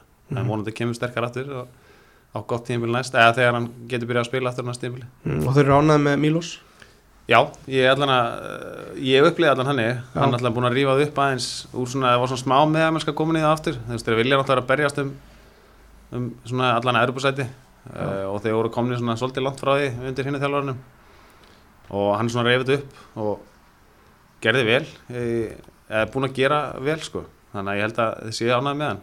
Og vonandi heldur hann áfram ég sá hann orðað við eitthvað Rósaborga Já, og er eitthvað svona að vera kropp í hann sko, þannig að vonandi verða hann áfram í Hammarby. Mm Þú veist, 25.000 manns pluss þetta er bara svo að spila á bara mjög stórum bara stóran leik í landsliðinu og erlendis bara á móti stóru lið veist, þetta er kannski ekki, ekki Wembley eða stær, alveg stærstu vellir en þetta er, þetta er miklu starra starri leikir heldur þú kannski eru vanur Já þetta er náttúrulega að koma sko frá hérna, þú veist, norsku deildina sem er bara svona, þú veist, það er kannski aðeins fleiri en svona vola svipu stemming á hérna á Íslandi. Allir sitja allir klappandi bara og má helst enginn vera með læti og þú veist, svona litin hotnög eða verður eitthvað öskrandi á öllin sko, svo kemur bara yfir landamenn og það var allt kolband brjála sko. Mm -hmm. þannig að þetta var svona smá breyting og en rosa skemmtileg breyting af því að þú veist, það er eiginlega stórleikur í hver einstu umfyrir Svíþjóð og svo mörg stórleið og stuðnismennir eru og svo stóri stuðnismennahópar þannig að þú veist, þetta er alveg magnað sko, í rauninni og fínt að þú veist, fá svona leiki hverju viku bara til þess að svona að venstu svo fljótt og maður einhvern veginn hættir þetta að trubla mann eða þú veist, hættir að svona hafa áhrif á mann. Og það er fínt. Þegar maður spilum á landsleginu líka úti á svona eh, stórum völlum og svona þá var það ekki eins mikið breyting. Og kemur svo heim í val. Var það aldrei spurningum nema að fara bara í val, það var ekkert annað í búið Jú, jú, en ég er náttúrulega í síðasta leiknum með Hammarby hann brauti á mig viðbeinið. Mm. og þú veist að verða samlýslaus og orðið orði ljóst að ég er ekki áfram þar. Mm -hmm. hendi mér í einhverja, algjör og vittlis að þú veist, ég fór í einhverja tæklingu, boltinn skoppar eitthvað til hliðar og ég ætla svona að hoppa og skalla hann út af eins og fíbl, sko. Og lendir alltaf bara viðbeinin og brýta. Og hérna, og er alveg þrjá mánu að ná mér eða eitthvað. Mm. þannig að það, þú veist, yfir allan janúargluggan og það alltaf var ég bara brotin, sko. Já, og liðin, þegar voru eitthvað lið sem voru að hafa samband og bara með tilbóð í rauninni. En ef ég er heill skil, það myndi velta á því. Mm og, og, þau- og þú veist að því að var ekki vita hvað ég er lengi frá þá fóru þau bara að finna sér aðra leikmenn og þá datta allt upp fyrir sko. Mhm. þannig að þá skrifaði ég undir á val bara með svona klásulum að ég gæti farið erlendis eða kemur tilbúð Já, en svo náttúrulega bara var ég ekki klár fyrir mm, held að það verið bara mánamöndin februar mars Mhm. sem ég mátti fara að æfa fullu og þá var alltaf allt og sent að vera þú veist, liðið voru all komið með aðra leikmenn í þessar stöðu sem við vorum að leita og þannig að ég bara ákveða að taka slæmi val, ég talaði við heimi uh, hvort það er eitthvað vandamál með landstrópinu og svona Mhm. en hann hérna róa mig niður með það, sagði bara ef ég myndi ef ég verið heill og var að spila þá myndi hann velja mig Mhm. og það var rosa þægilegt þá gæti ég hætti eitthvað sem það allána Mhm. þannig að það snýrst bara um að koma sér í stand fyrir júni sko. Hvernig var þetta í Hammarby? Vildu þér, þú veist, yngja hópin eða eitthvað? Akkur... Nei, sko, ég fekk í rauninni tilbúð frá þeim Mm. þannig um sumarið en að því ég var búin að vera í þrjú ár þá var, hefði ég sko, ég var svona listamannaskatti eitthvað, þá var hann að hækka en ég þurfti að hækka hérna þú veist, brúttólaunin í rauninni uh, og þeir voru ekki tilbúin í það þú veist, ég fekk í rauninni bara sama samvistilbúð mm -hmm. þá hefði mánalaunin lækkað en Já. ég sagði nei við því og ætlaði svo bara halda áfram í samlinga þeirra og svo einhvern veginn datt það bara alveg upp fyrir í veist, fyrst tilbúið komur í júni Mhm. svo bara í september eða eitthvað þá voru við bara búin að ákveða að þetta var komið gott Já. skilur það því við náðum bara ekki saman Mhm. og þú veist, þá fór ég bara að skoða í kringum með eitthvað og svo kom þetta hérna viðpens vittlisa hérna náttúrulega þá hefði verið volið þægild að vera búin að skrifa þetta já, já.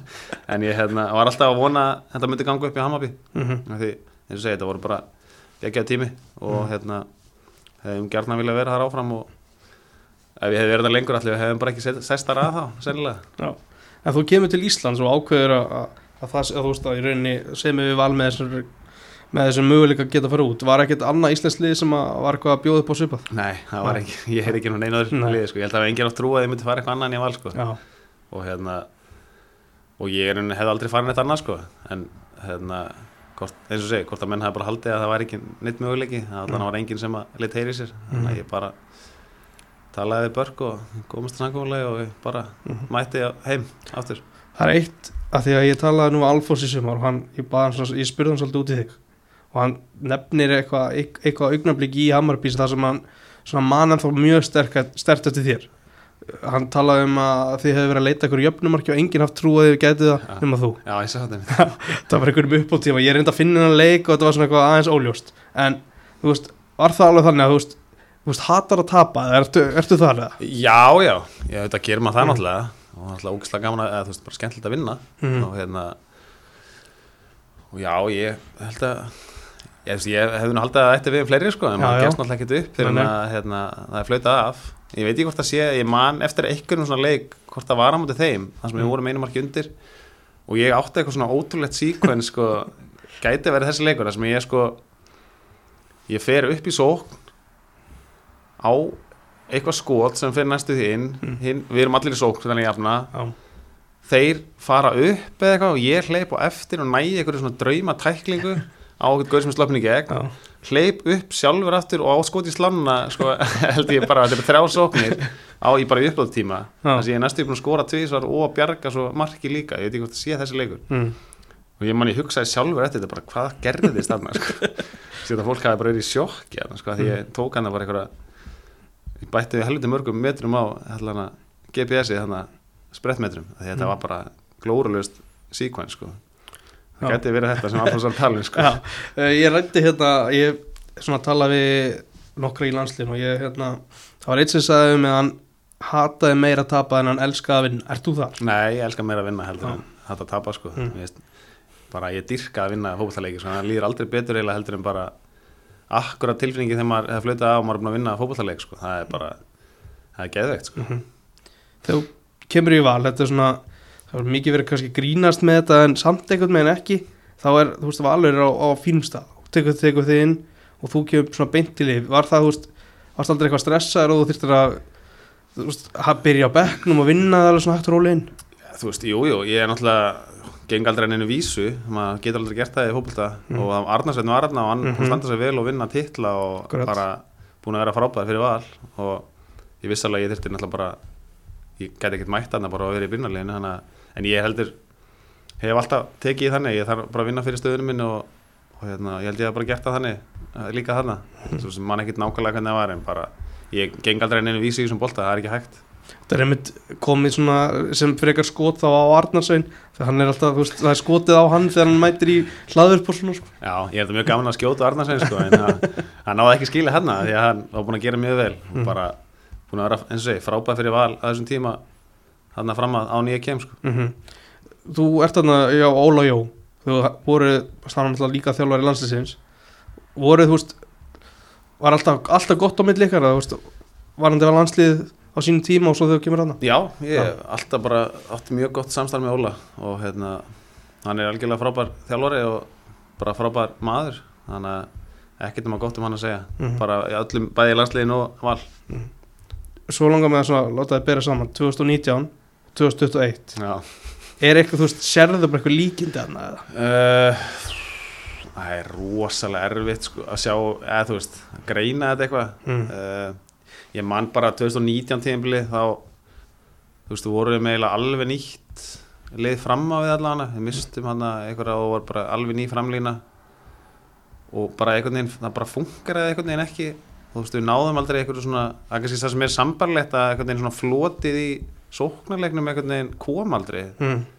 Svo 2020 þá hérna, byrjuður reyndar illa manni eða svona frekar illa, það var ekkert svona eða ekkert rosalega samfærandi en svo einhvern veginn byrjuðu að spila og svo einhvern veginn kom þetta bara alltaf sjálfur sér og svo voru við bara geðið ekki að smættu að tíðanbils sóknarleikunum var bara algjörlega gallalaus það var bara rosalegu sóknarleikur manni og en kannski 2021 og 2019 þá var það veginn svona það sem að, maður saknaði. Það kom aldrei neitt svona það var alltaf svo mikið hark Mhm. einhvern veginn við náttúrulega vorum lélegri 2019 sko vorum í fallbar það held ég þangað til bara í næst síðustu eða síðustu umferð sko. og hérna þannig að það var miklu lélegar tímabil þannig séð Mhm. en það var svona það sem var líkt með því var kannski það sóknarleikunum var bara ekki alveg nóg góður Mhm. bara spilið kom aldrei Þú veist, við vorum að harka sigra núna sem var ekki gerð 2019 Mhm. en svo náttúrulega stoppaði það bara eh, sem var eiginlega óumflýgilegt í meðu sko. Já, og að tala um svolítið mikið svona mikið svona fjölmila svona matur þegar að Gary Martin er tekin inn og svo er hann látið fara er þetta eitthvað sem að trublar ykkur inn í hópin? Nei, allan ekki mig sko. Uh, Þetta var náttúrulega leiðilegt og þú veist, það var ekkit, ekkit vissin með Garri inn í klefa. Mm. uh, þú veist, það bara gekk mjög vel. Veist, að- menn ég held að menn haldi að hann sé miklu erfiðar en hann er sko. Mm. ég held að sé svona kannski einhver upplifin sem fólk hefur á hann Já, en þú veist, það var alls ekkit vandamál inn í klefanum að bara frábæð náungi og veist, vildi gera allt til þess að ná árangri í val sko. Mm. en svo náttúrulega bara kemur eitthvað upp á eitthvað staðar hérna sem ég, veit ekki ennþá hvað það er uh, og þú veist, ja, engin, þú veist þarf engin að, það er engin útskýrta og þarf engin að útskýra henni held ég sko, það bara tekin einhver ákvörðin og bara það tekin. Mhm. og en það trublaði held ég ekki þannig leikmannhópin sko, það er bara leiðilegt þegar að koma eða þú veist, þegar er svona einhver svona neikvæða fréttir og svona, þú veist, það er bara sérstaklega mér sem valsar fyrsta leiðilegt Mhm. þegar það er hiti í kringum klubin sko. Mm Talandi um því sem valsar það er svona út af við verðist þér að stefna bara að vinna alla titla í öllum íþjóð hvernig er að vera í svona félagi? Það er geggjað. Það er hérna, maður lappa gangana og það er bara ekkert nema bara einhverjir landsliðsmenn og fyrirhænda atvinnumenn og eitthvað þarna sem að í öllum íþróttum bara Mhm. sem að mætir og spjalla við alltaf og það er ótrúlega svona hvernig maður orða það, þú veist, það er bara þú veist, svo mikill svona success í gangi, þú veist, bara það er svo margir successful hérna íþróttamennana og maður er eitthvað smitast að því bara, þú veist, það er allir þú veist, þetta er ótrúlega svona mikið afreks fólk bara út um allt þarna. og þjálfarnir líka, ótrúlega mikið svona háttskrifum þjálfurum Þú veist, þetta er ótrúlega, ótrúlega skemmtilegt að vera inn í valsimrallar alla daga og hitta alla þessa topp íþróttamenn sko, mér finnst það geðið 2020 þá hérna þá færð þú í einu ákveðni hlaðvarpi viðrefnið Megavíku Birkir Já, þegar þú skoraðir alveg slatta mörgum þetta haust aðalega, var það ekki? jú, sko, kom ein vika bara Já, og það var vist megavika Já. sem ég vissi ekki þá sko. Ég skoraði þessast fjöga mörka á einni viku já, á einni megaviku Hmm. og hérna, það voru einu mörki mín á tíðanbílinu sko. Mm. það var alltaf, það var einhvern veginn látið lítið út þess að ég var eitthvað rosa markaskorari sko. en það kom alltaf einni viku sko. Mm. og svo hann þannig að það er svona, ég var heitur hann akkur á þessu tímapunkti sko. það var þetta að fyndi að hafa akkur verið megavika sko. en nú búast alltaf allir við mörkum þegar að megavikin kemur það var eitthvað eitthvað, ég, ég veit ekki hver það var sem skaut hérna, alltaf hafi ekki verið Kári eða eitthvað að það hefði ekki verið neitt Íslandsmyndstari 2020 Já, hann er búin að vera duglegur í því sko. Er þetta, þú veist, er hann, er hann veist, meinar hann þetta eða er hann bara grínast Já, ég held að meina það nú alveg sko. Já. En þú veist, hann er náttúrulega erfiður Það er Þannig en þú veist, ég, ég og Hannes náttúrulega bara þurftum að verja þetta Já. Ég er náttúrulega erum íslumistari hann 2020 Þannig að mm. Kára getur sagt það sem hann vil Hlustar enginn á það En þú veist, er, þú veist, hugsið þið að þú veist, þið hefði alveg getað unni byggar líka Já, já, já, við vorum á hérna, ótrúlegu rönni og þú veist, liði bara funkar eða fullkonlega mm -hmm. voru konur hann í undanúslit á móti káaröglega eitthvað Já, minn það Ég man ekki hverju voru í hinum leiknum undan en ég, mér fannst þau allan að helviti líklegir að, Alltaf Víkingur og IBF fór líka eftir Já, þú veist, við hefðum Já, já, auðvitað hefði hinlega eins og sem alveg getið unni líka en við vorum allan að mjög góðu róli hann þetta haust Mhm. og ég, ég allan að vil trúa að við hefðum unnið tvöfald sko. það er helviti svekkjandi að að ég hef aldrei unni byggarinn sem hérna, svona fastamæður Mhm. ég, var, hann- ég var í hópnum 2005 mm en þú veist, þá var ég ekkert byrjulegismæður ég fyr, fyrstu umfyrin í byggarnum með eitthvað og svo Mhm. var ég bara eiginlega fyrir utan hóp alltaf suma sko. þannig að var ég, veist, þá var ég gaman að fá að vinna byggarinn líka sem, sem byrjulegismæður sko. -hmm. Tíðanbilið í ár, 2021 Hvernig var bara að spila þetta mót Varstu, veist, varstu að tala með að ætti eitthvað inni Mikið tala um að hérna, þið ætti eitthvað inni Þú varst með einhverja, þú veist, eitthvað svona ekkert eitthvað, þú veist, það var ekkert eitthvað dýpst umalinn Þú komst bara með svona fyrirsagna punkt Einhverju stuttu viðtali við valur fótbolti eða eitthvað. Þú veist, eitthvað veist, Ég man ekki, þú skaust eitthvað, veist, á ósamála umræðinu eða eitthvað. Já, ég man nú ekki hvað ég á að hafa sagt sko. eða hvað ég sagði. Ég skal reyna að finna þetta, hérna ræðum hérna þess um bara samt Já, það þetta var oft talað um að ættum eitthvað inn á svona. Mm -hmm. og manni fannst, þú veist, maður er alveg heiðarlega með það fannst, með við leikmannahópin og svona frábær leikmannahópur og spilið var ekki, við vorum alltaf ná úslim í byrjun og vorum eftir, þangað til hvað, fimmið fyrir eftir eitthvað, Mhm. sem segir ímislegt um gæði leikmannana að við vorum ekki að spila en sérstaklega vel en vorum allt samt efstir í deildinni og hérna, en það var kannski meira einmitt út af einstaklingsgæðin sem Mhm. við náðum að svona krista fram sigra Já. en þú veist, náttúrulega eftir að hyggja þannig áttu við ekkert inni Mhm. þú veist, þó mann hefði fundist að þessum tímapunkti þú veist, heilt tímabil, það segir mann náttúrulega Mhm. bara að liðið var ekki þessi liðið, liðsheldin eða þú veist, liðspilið var ekki betra en það sem við síndum Akkurat. Og hérna og það er bara fínt að hafa gott verkefni núna í vetur að hérna að ná því á, að ná, sérst, eða, næst, ná liðin og strik aftur. Af því að einstaklingsgæðin er svo sannlega til staðar. Það er frábæri leikmenn í liðinu bara allir. Uh, og ég held að allir leikmenn í val núna getur spila fyrir, þú veist, það var byrjulegsmenn í öllum öðrum liðum sko, já, já. finnst mér allavega. Þannig að það er bara spurningum að að hérna finnbúsa finnbúsa allt saman og hérna vinna þess að dollur á næsta ári sko. Sko, það sem að þú, þú sa- sagðir á hann þið hefðu náttúrulega ekki náða sóknarleikurinn hafi ekki smollið eins og 2019 mm og ummælið þín eru bara í rauninni þau að þú segir þú, þú segir ekki sammála því að þið hafi verið leiðilegir. Já, já, já, en þú veist, ef þið skorið ekki og þetta er allt svona eitthvað alltaf næstu því kannski að er það ekki einhvern hluti að þið vera leiðilegir jú, jú, við vorum örgulega leiðileg sko. ég hef kannski bara verið eitthvað aðeins að reyna hérna uh, ég hef örgulega bara að reyna að svona uh, þakka niður Mm. mm. eitthvað og skera Mhm. eitthvað til svona að reyna, þú veist, er svo leiðilegt allt er svona neikvætt og svona, Mhm. þá hérna bara verið eitthvað að reyna að fá fólk til þess að ekki vera að pæla svona mikið í sko. en þú veist, jú all, þú veist allir við höfum ekki kannski þegar sóknarleikunum gengur ekki upp þá er þetta kannski ekkert sérstaklega, skemmtilegt að horfa en þú veist, máli er að maður maður næri ekki að, upplifa það sama þegar maður er inn á Mhm. vellina með þess að fyrir utan vellin sko. Ég skil alveg að fólki yfir stúka hafa örgulega fundist að hundlegilegt sko. að líta Mhm. mörgum og og einhvern veginn bara svona hérna ströggl sigrar einhverjir aldrei svona einhverjir öryggi sigrar eins og Mhm. voru árið áður og þá náttúrulega, jú, jú, ég, það er bara rétt maður gaggrinni held ég sko, en ég kannski hefur eins og segi, ég ætli ég ekki bara að ljúa þessu viðtali sko. þannig að það hefur alveg talað um að heimir sé svona, að það þurfi ekki að spila fallegasta fótboll það er bara að vinna sem að er, já, á, á, ákveði við og svo er Túfa alveg umtala hann sé svona varnar sinna þjálfur Já. finnst þið spila varnar sinna fótboll Uh, nei, nei, mér finnst það ekki sko, nú er ég alveg, alveg heiluð sko Mér finnst, ég meina, ég held að hafa sínt sig bara 2020 mm Mhm. spilum Já, algjörlega. Þó svo að kannski, við séum að aðra áherslur heldur en til dæmis breyðablík og vikingur mm. uh, þá þarf fókbaltan ekkert að vera leiðilegur ef það gengur upp, skil Þetta er bara spurning um að, að liði fungari og og hérna og þú veist, eins og segi, 2020 tímbil er bara gott dæmi um það, að við við nákvæmlega sem með þjálfara uh, en þá bara einhvern veginn gekk allt upp og þá er enginn að segja að við séum leiðilegir og svo gengur kannski ekki upp árið eftir og þá erum við allt í hundleiðilegir mm -hmm. en það er náttúrulega bara, þú veist, að því við erum ekki að skora mörg og, og hérna erum eins og segi, ekki að vinna neina svona örygga sigra og svo tapandi stigum hér og þar, það náttúrulega verður umræðan aðeins neikværi eðlilega því við náttúrulega erum bara með leysum á að vinna eh, finnst mér, Mhm. deildina og byggarinn Mm -hmm. alltaf Talaðum hérna uh, sem er þess frá ákvörðinu eða framlengja núna í haust, var það aldrei spurning? Nei, ég ekki að fara mér, mér sé allan sko. ég er ekkert að fara að, þú veist, mér langar ekkert að hætti í fótbolta eh, strax, þó ég að hætti í landsliði núna þá finnst bara fyrir tímpútur að að val núna og ég, mér langar að spila í nokkur ári viðbót sko. Mhm. þannig að ef að valur vill halda mér þá verð ég þar þanga til þeir kasta mér út Mm -hmm. og þá allir ég bara sjá til kannski langar mér að halda áfram Mm að spila eitthvað staðar uh, en allan að núna bara einbytti mér að val og, og er bara mjög gladur að að vera 37 ára og vera ennþá hérna, að vali vilja ennþá hafa mig sko. Getur greina enda fyrir vestan? já, það kemur sem alveg greina. Ég var vist múin að lofa mann. Samma og konum minn Mm. að spila fyrir vestra.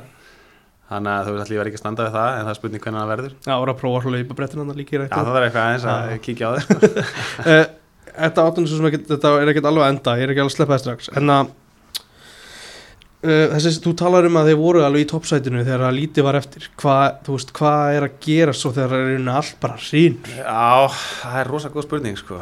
ætli það hafi ekki bara náð í raskandi á okkur þessi spilamennska sko. Mm. ég held að það sé alveg bara það þú veist, við vorum einhvern veginn búin að eins og við segja, svona grænda eitthvað að sigra þú veist, við vorum búin að vera fínir á móti hinu topplegan með þú veist, Mhm. en við vorum að tapa stegum á móti svona botliðum sem við vorum ekki mannar að gera mm -hmm.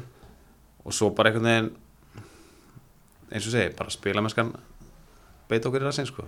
Já. og við bara einhvern veginn þegar að held ég við mistum toppstöðu vorum fannir að elda og þá einhvern veginn eins og sjálfstöðu hafi bara farið endarlega sko. Og, og það bara fór eins og það fór. Það stundum er stundum er fótbolli bara svona.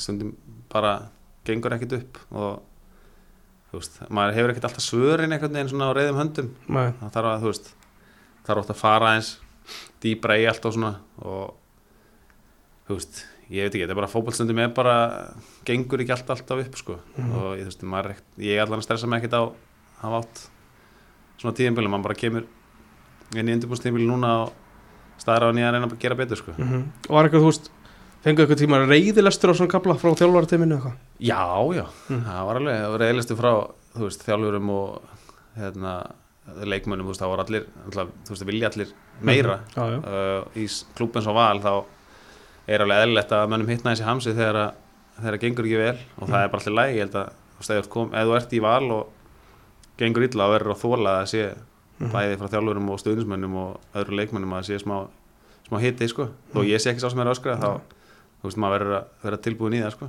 Voru fleiri en bara þjálfararnir sem létu ykkur heyra? já já, það voru fleiri Mm. Ykkur í stjórninni eða klúli? já við fengum alveg hérna reyðlistu frá ónefndum mönnum það, það er ekki að fara nei. en þú veist það er eins og segi það er, maður er ekki að spila í val fyrir 15 seti sko. Nei, nei. það er bara Bara klálega ekki uh, Svona eftir tíðanbilið Hannes og það mál Hvernig sér það við þér? Uh, fyrst og fremst finnst mér bara leðilegt að þetta hafi farið svona út böndunum einhvern veginn uh, eins og sé sem valsari bara svona leðilegt þegar að umræðan um klubum hans er svona neikvæð Mhm. og leðilegt þú veist þannig að en ég var þannig gladur að sjá að hérna, að menn hafi náð svona saman og þetta var enda á þú veist, í ákveða nótum þó að hafi kannski aðeins svona komið svona leið, leiðinda Mhm. fréttan í lokið þú veist en það var bara einhver mannleg mistök og þú veist Mhm. bara shit happens og en ég, ég veit ekki betur en að menn hafi bara náð góðum sáttum og þetta sé allt í hérna, allt í ákvæmt núna Mhm. og bara að vonandi bara allir hafi lært lært af þessu og þetta verði kannski ekki svona risa mál næst þegar að einhver leikmaður fer frá félaginu sko. Rættur við eitthvað við Hannes síðustu mánu? já já, ég, ég og hann er svona góða vinni sko. Mhm. þannig að ég auðvitað heyri hann er reglulega sko. bara hann að þú veist, ég mést bara aðlega leiðilegt hvernig umræða, eða þú veist, bara leiðileg umræða svona, að allt svona einhvern veginn, svona illt umtal um Mhm. klúbið mann sem er bara leiðileg sko. Mm og þetta eru svona fréttir sem að allir svona eru að býða eftir að vita meira um svona mál, eh, það, er það eru kannski bara þrýr aðalega sem að vita hvað gerist mm, Já, og þess vegna, þú veist, einmitt það er, það er voru fljótt alltaf að fara alltaf flöðu fjölmið, skilða Mm. alveg þú veist, Mm. endilega bara, er bara þannig, skilur en alltaf, vita ekkert allir allar söguna Nei. og þú veist, það væri vola gott eða væri færi ekki alltaf allt svona á flug, sko Já. en þú veist, ég veit að, er bara þannig og við erum í þessum bransa og þú veist, það er bara mikil og margir að hérna, spekulaður hvað gerðist og þú veist, það, það er bara eitt af það sem það þarf að lifa með líka mm -hmm. Heiður Æðisson er komin í, val, hvernig lístur það? bara mjög vel, um góðu leikmaður og hérna, góðu bakur allan sem ég sé á honum þessi á sem ég hef verið hérna Mhm. núna heima og bara bætir hópin okkar og hérna fínt að fá annan hæri bakur í Mhm. klubin Ítir þetta er eitthvað upp á tærna bara vitandi að það er allavega einhver klár Já, ég sjálfsögðu, ég, hérna, þú veist, það var allir gott að samkefni Mm. og hérna, þú veist, það er náttúrulega ekki gott að vera bara einhvern veginn með sætið sitt uh, bara njörfa niður af því að þá slaka maður bara á og þú veist, sérstaklega er maður kannski orðin eins og ég er gamall og vanur einhvern veginn að Mm. spila alltaf og þá er hætt við því að maður svona slagi á, Já. en það er ekki hægt núna ég get ekki slakað á núna uh, Valgi Lundal í fyrra Svona efnilegasti leikmaður deildarinnar hvernig var að sjá svona hann koma, koma inn í lið og svo eiga þetta tímpili sem hann átti Já, bara frábært. Ég hérna, ætla að vissum að hvað hann gæti og hérna, síndi á æfingum, hann er góð leikmaður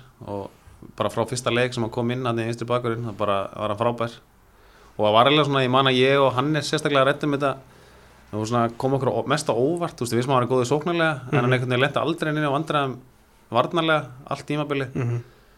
Og hérna, þú veist, það er sjálfgjátt með svona unga strákar sem kom inn í sérstaklega, þú veist, í vinstri bakverð og svona annað hægri bakverð og hefur verið kantmaður og eitthvað.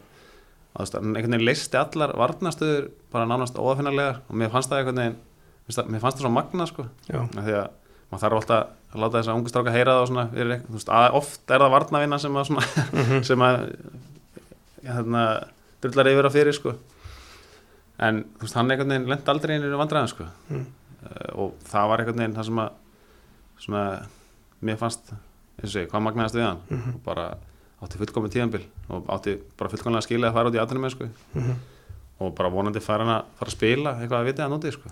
Ef hann er að íhuga að koma heim myndur þú ráðlegur um að koma ekki heim já, ég er náttúrulega ef ég ára sjálfselskur þá vil ég Mm. fá hann í val aftur Já, já. uh, en ég myndi ráðlegjum um að vera áfram úti og hérna, ekkit endilega ef, þú veist, í hekken Nei, þó að þessi náttúrulega flottu klúpur og allt svona en ef hann sér ekkert að ráðlegjum bara þá að finna lið í Skandinavíu sko Mhm. svipað á Alfons gerði, þú veist, hann kom heim í eitthvað hálft árið eitthvað spilaði með reyðblik og svo fór hann bara í það að finna sér annar lið úti og Mhm. það, þú veist, svínvirkaði þannig að, þú veist, fann bara fullkomið klúb fyrir sig og þeir eru náttúrulega brúnar gegja þér og þú veist, það sýnir sig að það er oft gott að hérna, taka sénsin á allan að reyna að vera aðeins lengur á úti sko. Mhm.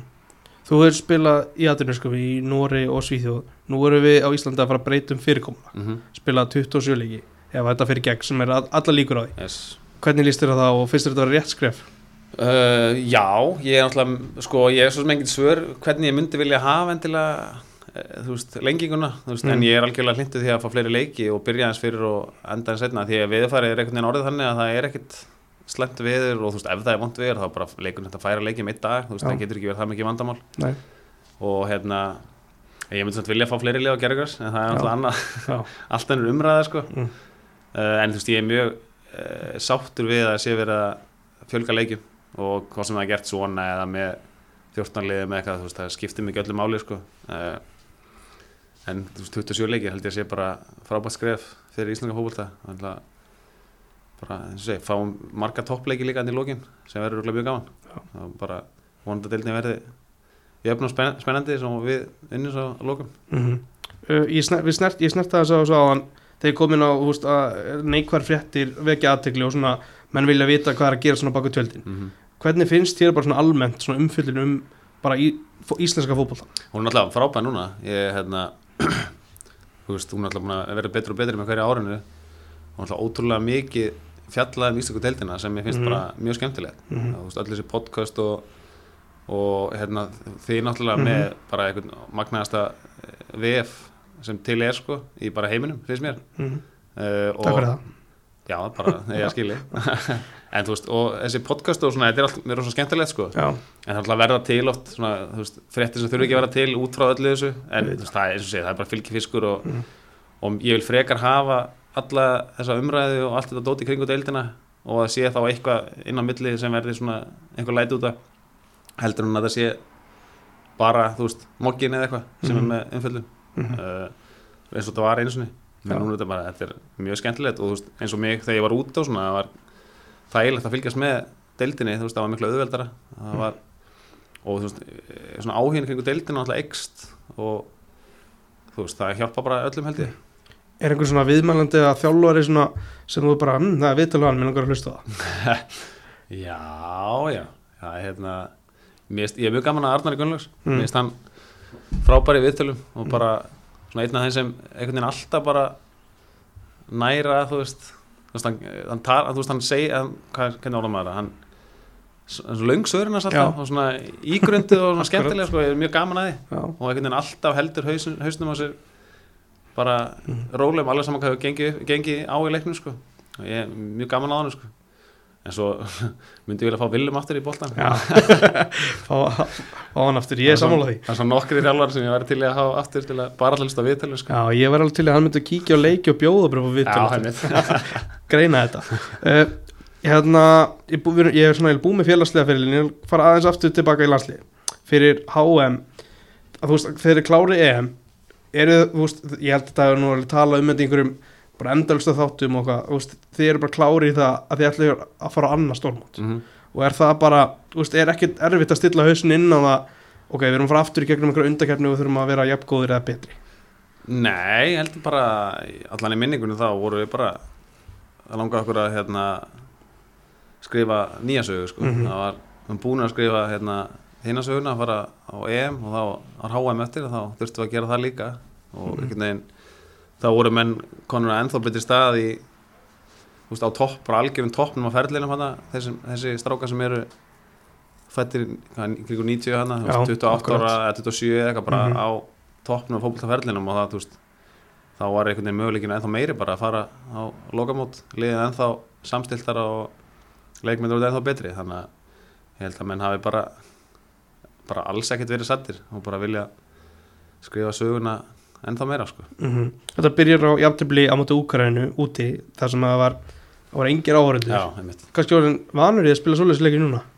Já, því miður, þá er það einhvern veginn þá var það rosa skrítið, sko Já. en núna einhvern veginn er það bara ó, það er leiðilegt að Mhm. það sé orðið þannig að maður sé bara vanur í að sé engir áhörundur, sko en það er vonandi er svona eitthvað aðeins að fara já, einhvern mann Já, já, vonandi við þá vonum það allan konar áhörundur á flesta velli Mm. eh, nema hér, náttúrulega Mm. þannig að, eh, þú veist það var rosa skrítið þá manni.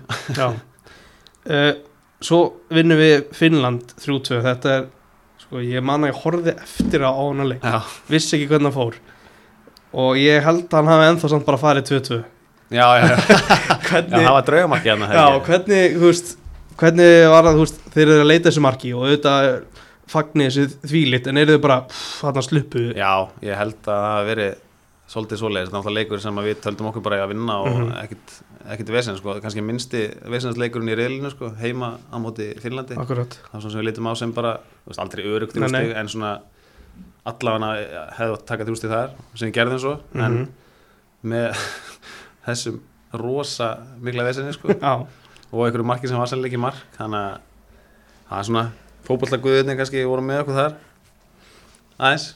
Já Þú ert ekki að velli í þeim leik. Þarna, já, þetta er, þetta er svona kapli þar sem að Hérna, Theodor Elmar er svona aðeins líka Já, að spila að, Já, ég held að svo sem hafi ekkert átt eitthvað frábæna leik þarna heldur sko.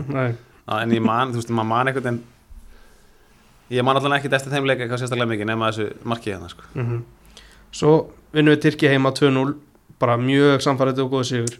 Svo er það aftur það er end svona, þú veist, hvað maður að segja farið aftur til Króati og upplýði aftur 2-0 tap. Já, Er- þú veist, voruð þið bara, æ, Króatar enn og aftur. Já ég man allan þegar hún dregnið með þeim í Það var svona ekkert svaklega spenntu fyrir því sko. Mm. Alltaf gróat í það í öllu. Og svona veit að þetta er alveg rosa erfiður útvöllur Frábært lið.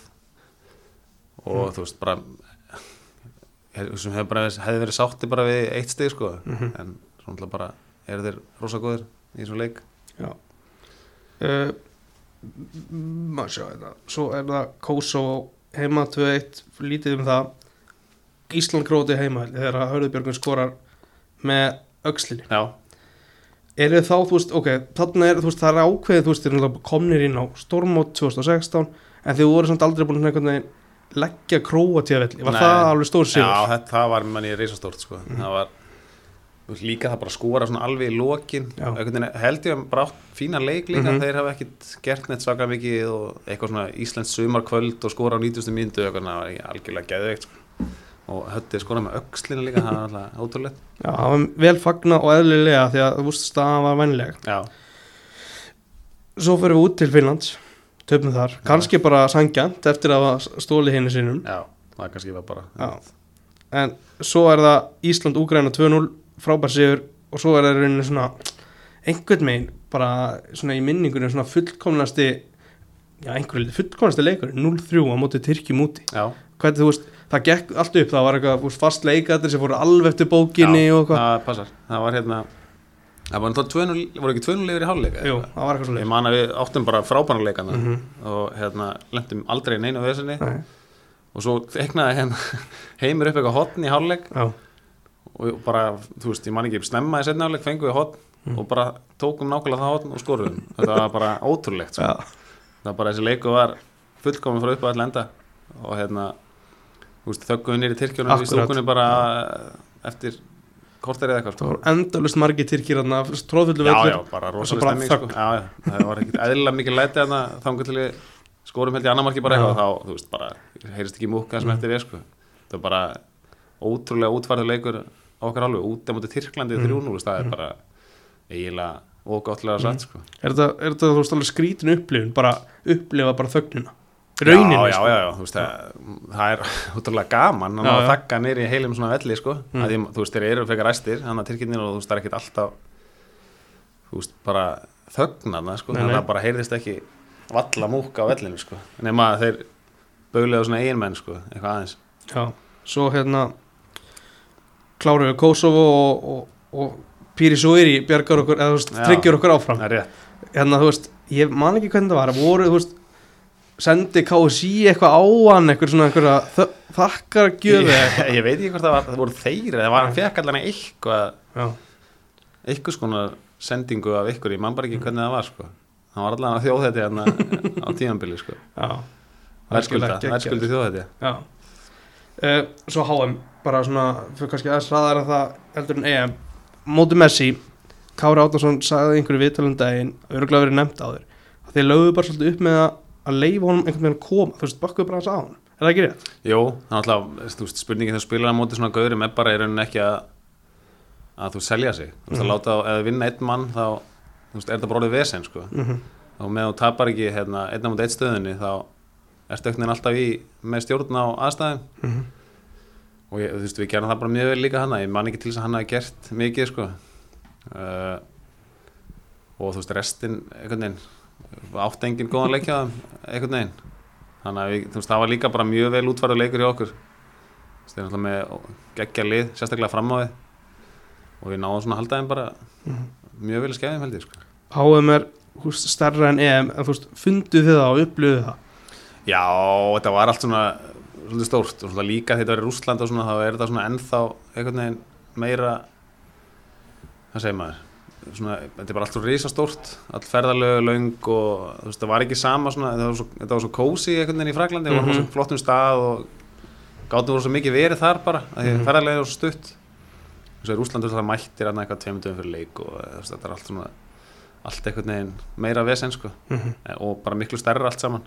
Þú veist það var að spila á móti Argentínu líka það er einhvern veginn súrealist sko Er þetta eftirminnasti leikurinn? uh, í HM Já, bara já, einn af þessum landsliðum? já sko þessi og England svona er, finnst fyrir mér allavega er svona, þú veist fyrsti leikur á HM að fá akkurat Argentínu það er einhvern veginn risastórt sko, eitt af Mhm. svona HM stórveldunum sko, akkurat þannig að já, svona hann er svona eftirminnilegastu með Englandsleiknum sko. Hversu mikið talar Hannes um þessa vítspinni?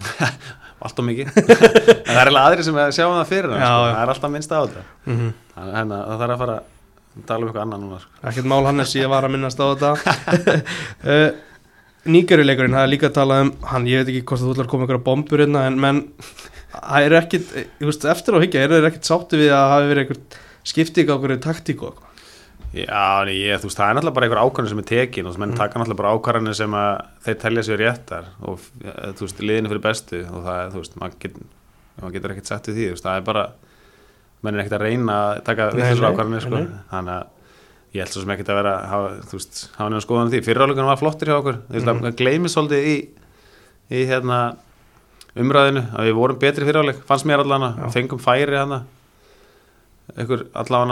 allan möguleika að skora, Mhm. við hefum skorað á undan þá held ég að við hefum alltaf unni leikin sko. Já, þetta er bara spurning um þetta fyrsta mark. Þeir fengu fyrsta marki og þá verður við að koma ofar og svo var náttúrulega drullu heitt já, og akkurat. svona ógislegt loftið eða einhvern veginn. Mm. og, og þú veist ég held að sé bara að segja þeir eru bara vanari svona Mm loftlega eins og var hana og við einhvern veginn þegar við vorum mótið þreyttir þá var þetta bara þreyttir og elda mark. Þú veist þá er þetta einhvern veginn erfitt. Þeir góðir að hérna í skyndisóknum líka. Mhm. þú veist þeir eru vorulega eins og eins og við, lágu tilbaka og beita skyndisóknum. Þú veist þeir eru góðir í því alveg eins og við.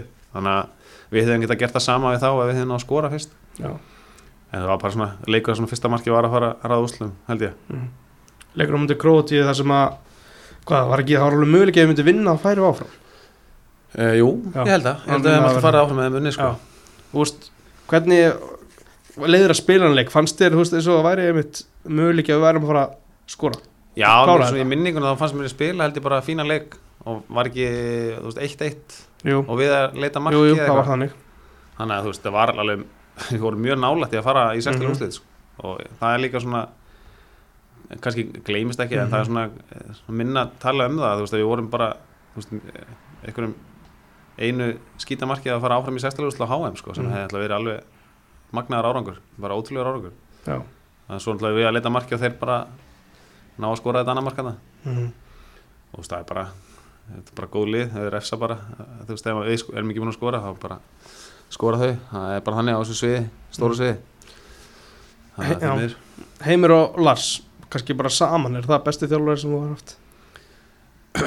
Já, þeir eru náttúrulega frábærir. Mm. uh, bara geggja þjálfur og gerðu bara ótrúlega hluti fyrir minn feril og ég á þeim ótrúlega mikið að þakka og, en þú veist, ég hef alltaf Willum sem minn uppáhalds þjálfara Já, sko. hann svona komið svolítið að stað og hann sem sett mér í svona, þannig að ég svona kannski á honum mest að þakka og svo las og heimi Já. á eftir honum, sko. bara rétt á eftir eiginlega saman stað samt.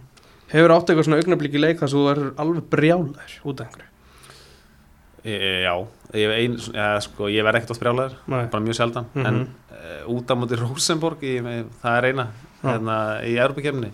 Þegar við fengum hann að vita okkur í lokin. Já, aha. Þá held ég að hafa svona það er eina skipt sem ég hef eitthvað svona verið alveg brjálarinn á elli sko. Mm. en tókst hann ekki einu svona að fá neitt spjald eða neitt sko. Nei.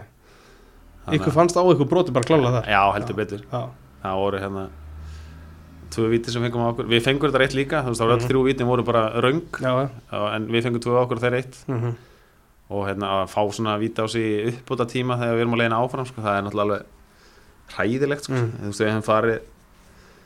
sko. Mm. við hefum við þess að fengi bara að fengi þægilega leið inn í, í Europa League held ég Mhm. ef við hefum, þú veist, segjum að hefum dotti út í næstum ferð þá, þá var held ég Europa League leiðin bara nokkuð þægileg sko. mm. þannig að hefum mögulega getið farið inn í riðla og við vorum góðir hérna, vorum að spila vel á þessum tímpúti þannig að þetta er svona það er svona, það sata eins í manni sko og ég manni við vorum allir alveg brjálaði sko Mm.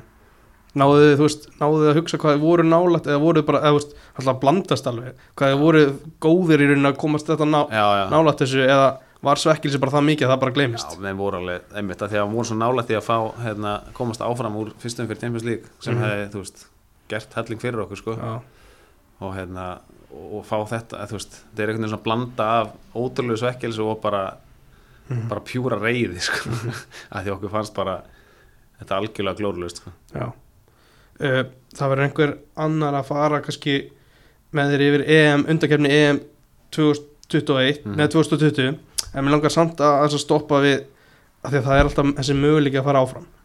Þið, þið fáið Rúmeníu, þið klárið það 2-1, samt alveg svona voru frekar samfærandi Mm -hmm. og svo er þessi leikur um Ungverjalandi sem að lítur að bara sitja í þér. Já, já, auðvitað, þú veist, ég náttúrulega tók ekki tátt í leiknum sem ég satt ekki nei. stúka þarna. Uh, og þú veist, já, það er náttúrulega, hvernig, skoruðu þeir jöfnumarki, var það ekki bara það var bara skömmu á undan. Já, bara, Já. veist, það var bara eitthvað alveg í lokin bæði þú veist, þetta er brjála svekkelsi sko Mhm. að vera svona einhvern veginn, við vorum alltaf ekki minnir að við hefum ekkert verið góðir við skorum frekar snemma Mhm. og svo vorum við bara í gamlega góðu hérna blokkinni sko Já, og hérna án þess að þeir hefði kannski verið að gera eitthvað rosa mikið og þú veist að fá svo svona tvö mörg á sig bara í uppbúta tíma nánast þú veist það er náttúrulega bara Mhm. rosalegt svekkelsi og missa mótinu út af eitthvað svona þú veist það er bara hræðilegt sko Þetta er þannig á kaplanum þar sem að Guðlu Viktor að spila hæri bókar þá. Já. Hvernig þú veist, þú varst, það var einhver svona hópar þar sem þú varst ekki valinn, svo kostu inn og svo varstu stundum í byrjirönlinni og var svona mín upplöðinni eftir á Já. og svo varstu bara á bekknum.